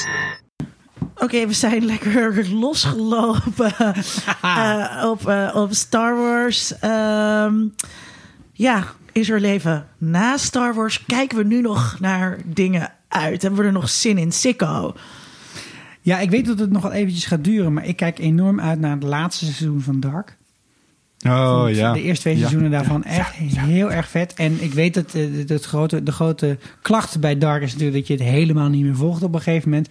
Maar ja, misschien geen verrassing. Ik hou er wel van om een film Mhm. of een serie te kijken met een bloknootje erbij. En dit is een eh, trilogie. In termen van series, zo is hij geschreven, zo is hij bedoeld. Dit wordt het ook. Het derde Ja. seizoen en Ja, dan is en het daar is het sloes. Sloes, op, zijn, op goed, goed Duits inderdaad. En ja, Sta ik hem bekend. zo, zo, zo wil ik. ik wil hem ook graag op die manier beleven. En natuurlijk de tweede helft van het Rick and Morty seizoen wil ik natuurlijk ook heel graag zien. En eh, ik heb nog een aanbeveling voor eh, iedereen eh, die denkt van ik wil nog een leuke podcast luisteren. Afgelo-. Afgelopen kerstvakantie heb ik mij te, te goed gedaan aan een doos van 1969 delen Lego. Waarin een Saturnus 5 raket in kluis maanlander verscholen zat. Een metertje hoog is hij, dus 1 op 101. Ja, bedenk dit even. Beeld het je in, zo groot is het dom. En eh, bij die maanmissie heb ik de podcast geluisterd, 13 Minutes to the Moon. En eh dat is van de BBC. Die het, eh, de, de, de premisse is dat we uiteindelijk dan de 13 minuten in de afdaling naar het maanoppervlak gaan luisteren. Maar dat is zo'n intrigerend en mooie podcast met muziek van Hans Zimmer. Oh. Die je alles vertelt over hoe dat Apollo-programma nou daadwerkelijk van de grond is gekomen. Haha, wat Ja. Maar ik dacht, ik dacht dat je, eh, toen je over podcast begon, dat je een tipje van de sluier ging eh, eh, oplichten. In wat je net zei toen we even wc-break hadden. terwijl toen onze de luisteraar naar de bumper luisterde. oh, dat is nog niet, mag nog niet eh, bekend worden. Ja, nee, nee, we, onderzoeken of de Vierkante Ogen Show een reboot kan krijgen. En eh, nou ja, dus overstelt mij met ideeën. Dan zal ik die ook doorgeven aan eh, Esther, de host van, deze, van die geweldige podcast.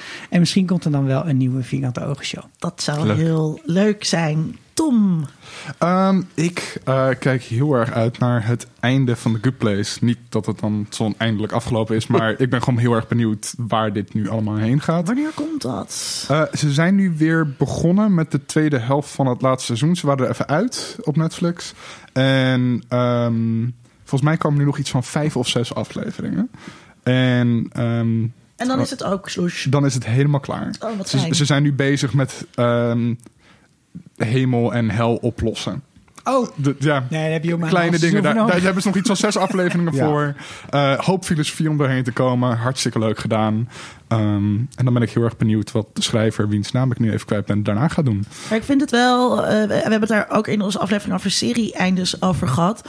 Op het moment dat. Leuke aflevering was dat. Dank. dank je. om eh, om eh, dat, dat iets wordt eh, uitgerekt. Vaak, eh, schrijvers hebben vaak voor televisie weinig zeggenschap over hoe, een ver- hoe lang een verhaal precies moet duren. Eh, en eh, daar moeten ze zelf natuurlijk het heft in handen nemen. Ze moeten zelf zeggen: nu gaan we hierna gaan we er geen meer maken. Ook al is het nog heel succesvol en wil het netwerk eh, pri- prima nog twee of drie seizoenen. Je moet gewoon zelf zeggen: nee, we gaan er nu. en We gaan het ook echt closen. Dat is echt heel cruciaal. En dat hoop ik dus inderdaad. Het zou zo Ja. zonde zijn, namelijk voor The Good Place. Als het een beetje blijft hangen. Ja, maar ik denk dat we daar ons in ieder geval geen zorgen over hoeven te maken. Maar meer hoe het gaat landen, daar ben ik nog wel een beetje zenuwachtig voor. Want ik weet gewoon echt niet hoe ze dit gaan doen. Ehm, en ik kijk ook uit, ondanks wat dingen die ik had gehoord vandaag, of afgelopen weekend volgens mij, naar de nieuwe Doctor Strange film. Want daar las ik dus over, omdat er heel veel drama omheen was, dat er allemaal plannen waren om dat een horrorfilm te gaan maken binnen het MCU. Daar is de drama om geweest afgelopen weekend. Omdat de regisseur die dat van plan was, eh, is ontslagen door Marvel. En dat eh, de, het hoofd van Marvel Studios nu zegt van... nou, het wordt geen horrorfilm, maar het wordt een, een, gewoon een Marvel film met wat hor- horror elementen. Maar ik ben gewoon best wel benieuwd hoe dat er nou uit gaat zien. Wat er nog van over is van de originele visie uiteindelijk. En of de MCU een beetje die randjes op kan gaan zoeken. Over eh, disturbing geruchten gesproken. Helemaal in thema van deze aflevering heb ik dus ook gehoord dat er plannen zijn om een film te maken over Baby Yoda. Ja, god, nee. Nee. En die moet The Child gaan heten. nee. Nee, nee, nee. Ja, nee, Nee, nee, ik leg hem nee, hier even nee. op tafel. Deze dampende drol, hij staat hier. Kijk ernaar. Oké, dit willen we niet, Disney. nee. Moet er niet back... Is dit Disney? Het is niet, het is niet, oh god, jeetje. Sydney, eh, kan jij me weer opvrolijken? Nou, oké. ehm, waar ik wel naar uitkijk is het nieuwe eh, derde seizoen van Westworld. Eh, het eerste seizoen was goed. Tweede, Echt, kijk je daar naar uit? ja, het tweede seizoen was wat minder. Ja. Het derde seizoen ben Heb ik jij het ooit over heel... het tweede seizoen? Helaas wel. Ik ook, maar begrijp er nog steeds een bout van. nee, maar de, de- daarom ben ik dus heel benieuwd naar het derde seizoen. Dat is niet hetzelfde als er naar uitkijken. Jawel, want ik kijk er naar uit. Dat bepaalt ik lekker zelf. Eh, want ik ben benieuwd wat eh, dit seizoen gaat doen. Eh, want ja, het kan of de, de, de, de nieuwe, nieuwe kwaliteit brengen die het eerste seizoen had. En het, eh, het lijkt er ook op dat ze wat andere dingen gaan doen dan ze eerder hebben gedaan. Want ze zijn Eindelijk het duidelijk park uit. Het park uit.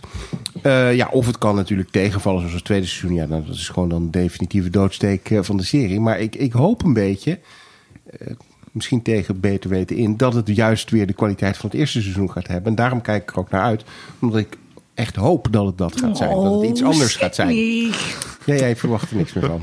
Nee, nee, ik verwacht er niks meer van. Maar ik vind het, ik vind het, ik vind het schattig hoe optimistisch jij daar toch elke keer weer in bent. Ja, Ja, De, de vergelijking dringt zich op. Hè? Dus eh, Jurassic Park 1 was echt heel erg goed. Jurassic Park 2 was ook van dezelfde schrijver. Net als Westworld seizoen 2 gebaseerd is op dezelfde schrijversideeën. En Jurassic Park 3 was natuurlijk gewoon ja, ook een dampende drol. Ja. Met een Spinosaurus erin. Dus je vraagt je af, kunnen ze het? Hebben ze er lang genoeg de tijd genomen? Hebben ze de goede schrijvers ingehuurd? Want ik wil niet weer met een of andere smoesje van... ja, het zag er wel heel mooi uit. en Ze hebben wel heel erg met heel veel liefde het gemaakt. Dat interesseert mij inmiddels niet meer. Nee, nou ja, daarom ben ik dus ook heel benieuwd. En eh, kijk ik er naar uit. Ehm, ja. En verder kijk ik vooral uit eh, naar dat ik eh, weer wat films kan gaan kijken. Want ik, ben, ik heb heel weinig tijd gehad de afgelopen maanden. Ik was ook nog op vakantie. Dus ja, dat kon, nou ja, had misschien wel gekund. Maar ik had niet zoveel zin om in een bioscoop te gaan zitten ergens eh, daar. Ehm, dus er zijn heel veel films die ik nog eh, graag eh, wil zien.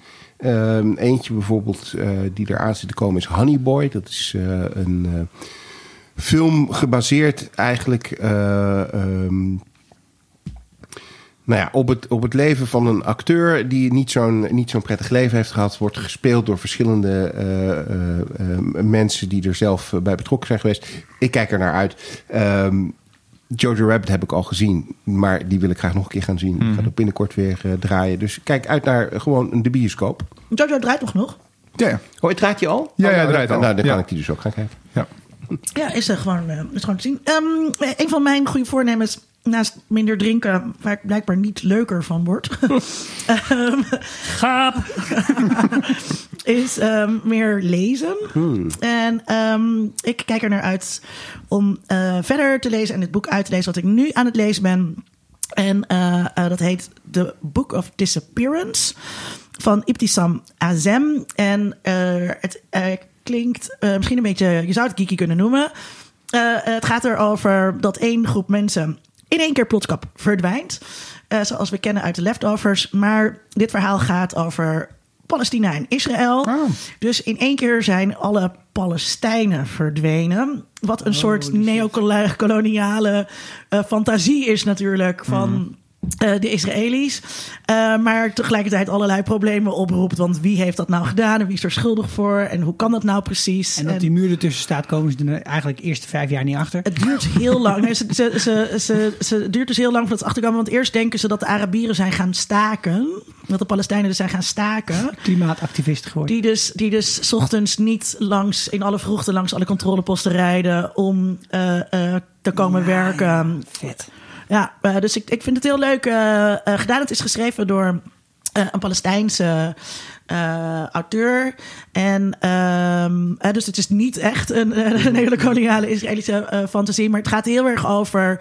ehm, ook de geschiedenis en de belevenis van die Palestijnen die daar al waren voordat die Israëli daar kwamen. Dus ik, ja, het is een, een heel sci-fi-erig lijkt het, maar dat is het helemaal niet. Het is een heel politiek geëngageerd boek waar ik heel veel zin heb Klinkt heel uit te lezen. Ja. Ehm, wou iemand nog wat zeggen over de Oscars? Oh, er ja. zijn Oscar-nominaties. Er zijn Oscar-nominaties. Ja. Willen En- we daar nog... Nou, dat doen Sydney en ik wel even samen. Volgens mij Ja. hebben ze Oscar-nominaties voor onder andere de visual effects gekregen. Dus, eh, The Rise of Skywalker heeft Ja. inderdaad een aantal eh, nominaties gekregen. Ook voor de score van eh, John Williams. En voor sound design. En sound design. Ehm, en eh, ja, er zijn meer films, eh, eh, geeky-achtige films die, die genomineerd zijn. Avengers Endgame is ook voor special effects eh, Ja, genomineerd. veel nominaties voor de Joker. Mogen we dat ook Joker, nog spelen? ja. Ook geeky? Ja, Ja. Joker is Ja. ook geeky. Eat your heart out, Martin Scorsese. Ha! Nou ja, de Irishman is ook wel genomineerd. hè? Alleen kansloos, Ja. toch op alle Heb je, terreinen. heb je dat gezien? Dat iemand heeft ehm, gewoon met zeg maar normale deepfake technologie. Mhm. Ehm, eh, eh, eh, ook shots van Robert De Niro en Joe Pesci Mhm. gemaakt die er veel beter uitzien Echt dan? Ja, ja, Jan- ja. dan die Unnerving, shit in. The Irishman. Ja. Oeh, ik heb hem nog steeds niet gezien. Ook omdat elke keer dat zie ik daar shots van en zit ik echt van, oh, oh. Oh nee. Dat echt zo'n Okie Boomer film. Dat, Ik vond het. nee, nee, nee, nee, nee, Nou, de Irishman vond ik een prima film. Maar ik, maar ik, ik weet niet of ik dat in de podcast heb Ja. gezegd of zeg iemand anders. Oh, nee, ik heb jullie hierover gehoord. Oh de ja, want ik heb toen. Misschien heb ik dit al gezegd, luisteraar, dan excuus. Eh, ik vond het wel de film die een definitief einde mag zijn van de oude Italiaanse eh Ja. hetero mannen eh, films. ja, laten we eh, daar mee hebben we hem stoppen. gezien. ja, Ja. klaar mee. Maar de, wat, wat Oscars betreft, eh, no chance in hell, toch? Mm. Ik, had een heel erg Return of the King gevoel van... Nou ja, bij de laatste film Mm. dan pompen ze al die Oscars er doorheen. Maar ja, je kunt toch niet hard maken dat je voor visual effects... dan specifiek Star Wars een of andere Oscar gaat Nee. En je gaat toch echt serieus niet menen... dat je bij film 9 John Williams een prijs gaat geven... voor de muziek van Star Wars. Ja. Dat kan je toch Ja. echt niet... Want ik heb, dat ik het zo Maar is zeg... het dan hij een oeuvreprijs? Nee, maar dat is allemaal, allemaal jammer voor hem. En Huilie Huilie hij heeft, toch- hij heeft genoeg van die dingen in zijn kast staan eh, bij andere films. En hij speelt nog wel een rolletje in deze film. Oh? Komen we zo op. Maar wat, wat uiteindelijk is er niets aan deze hele filmscore... waarvan jij in de bioscoop hebt gedacht... oh, hmm, dat raakt me. Ja, ja, toch wel. Ja, oké. nou, vertel dan daar maar over. Ja, nou nee, de, de- ja, Hey, jawel. Jongens, jongens, jongens, jongens. Kijk, ik bedoel, we hebben elkaar al een tijdje niet gezien. En we zijn heel lang op kerstbreek geweest. Hij was heel lang op Dus vakantie. we willen nog eindeloos met elkaar doorbre- brengen- doorbrengen en met elkaar Nou, doorpraten. Sydney heeft iets gehoord wat mooi was. Maar, eh, maar, maar één heel kort Sydney. Nee, nee, nee. Dat hoeft helemaal niet. Ik vond de soundtrack van The Rise of Skywalker juist wel heel goed. Omdat het een hele mooie... eh, ehm, heel mooi samenbrengt wat in de originele trilogie, in de nieuwe trilogie, eh, qua thema's door John Williams is opgezet. En dat, dat vloeit heel mooi in elkaar over. Ik vond het een hele goede soundtrack. Nou, als ze hem hadden moeten geven, hadden ze hem voor Duel of the Fates moeten geven. En ik weet dat het hoort bij de, wat jullie een slechte film vinden, episode 1. Maar dat was dus Maar dat echt is het heel beste aan episode Ja, gewoon Lieve luisteraar. Wij zijn natuurlijk nooit klaar met over Star Wars praten. Dus dit is Volgende ook zeker niet de, de, de definitieve eh, Star Wars aflevering. Oh nee. Eh, vrees niet. U kunt u ons nog hier veel vaker ehm eh, over horen. Maar Een driedelige aflevering over Solo. een drieluik. Een drieluik, ja. Maar dit was toch echt aflevering 46 van de podcast Geeky Dingen. Dank Sikko, super tof dat je er was. Dank lieve luisteraar dat je tot het einde bent gekomen. Dank aan mijn mede eh, geeks. Eh, dit is een moment om op te roepen tot een like of een subscribe of een review. Vinden we allemaal tof. De volgende aflevering gaat over Watchmen. Die je ondertussen toch wel echt gekeken moet hebben naar Fucking al onze aanmoedigingen. Ik heb het zelfs al gekeken. Wow. Maar je hebt dus nog even tijd om het in te halen als je dat nog niet gedaan hebt. Over twee weken zit dat in je podcast-app. Dit was Geeky Dingen.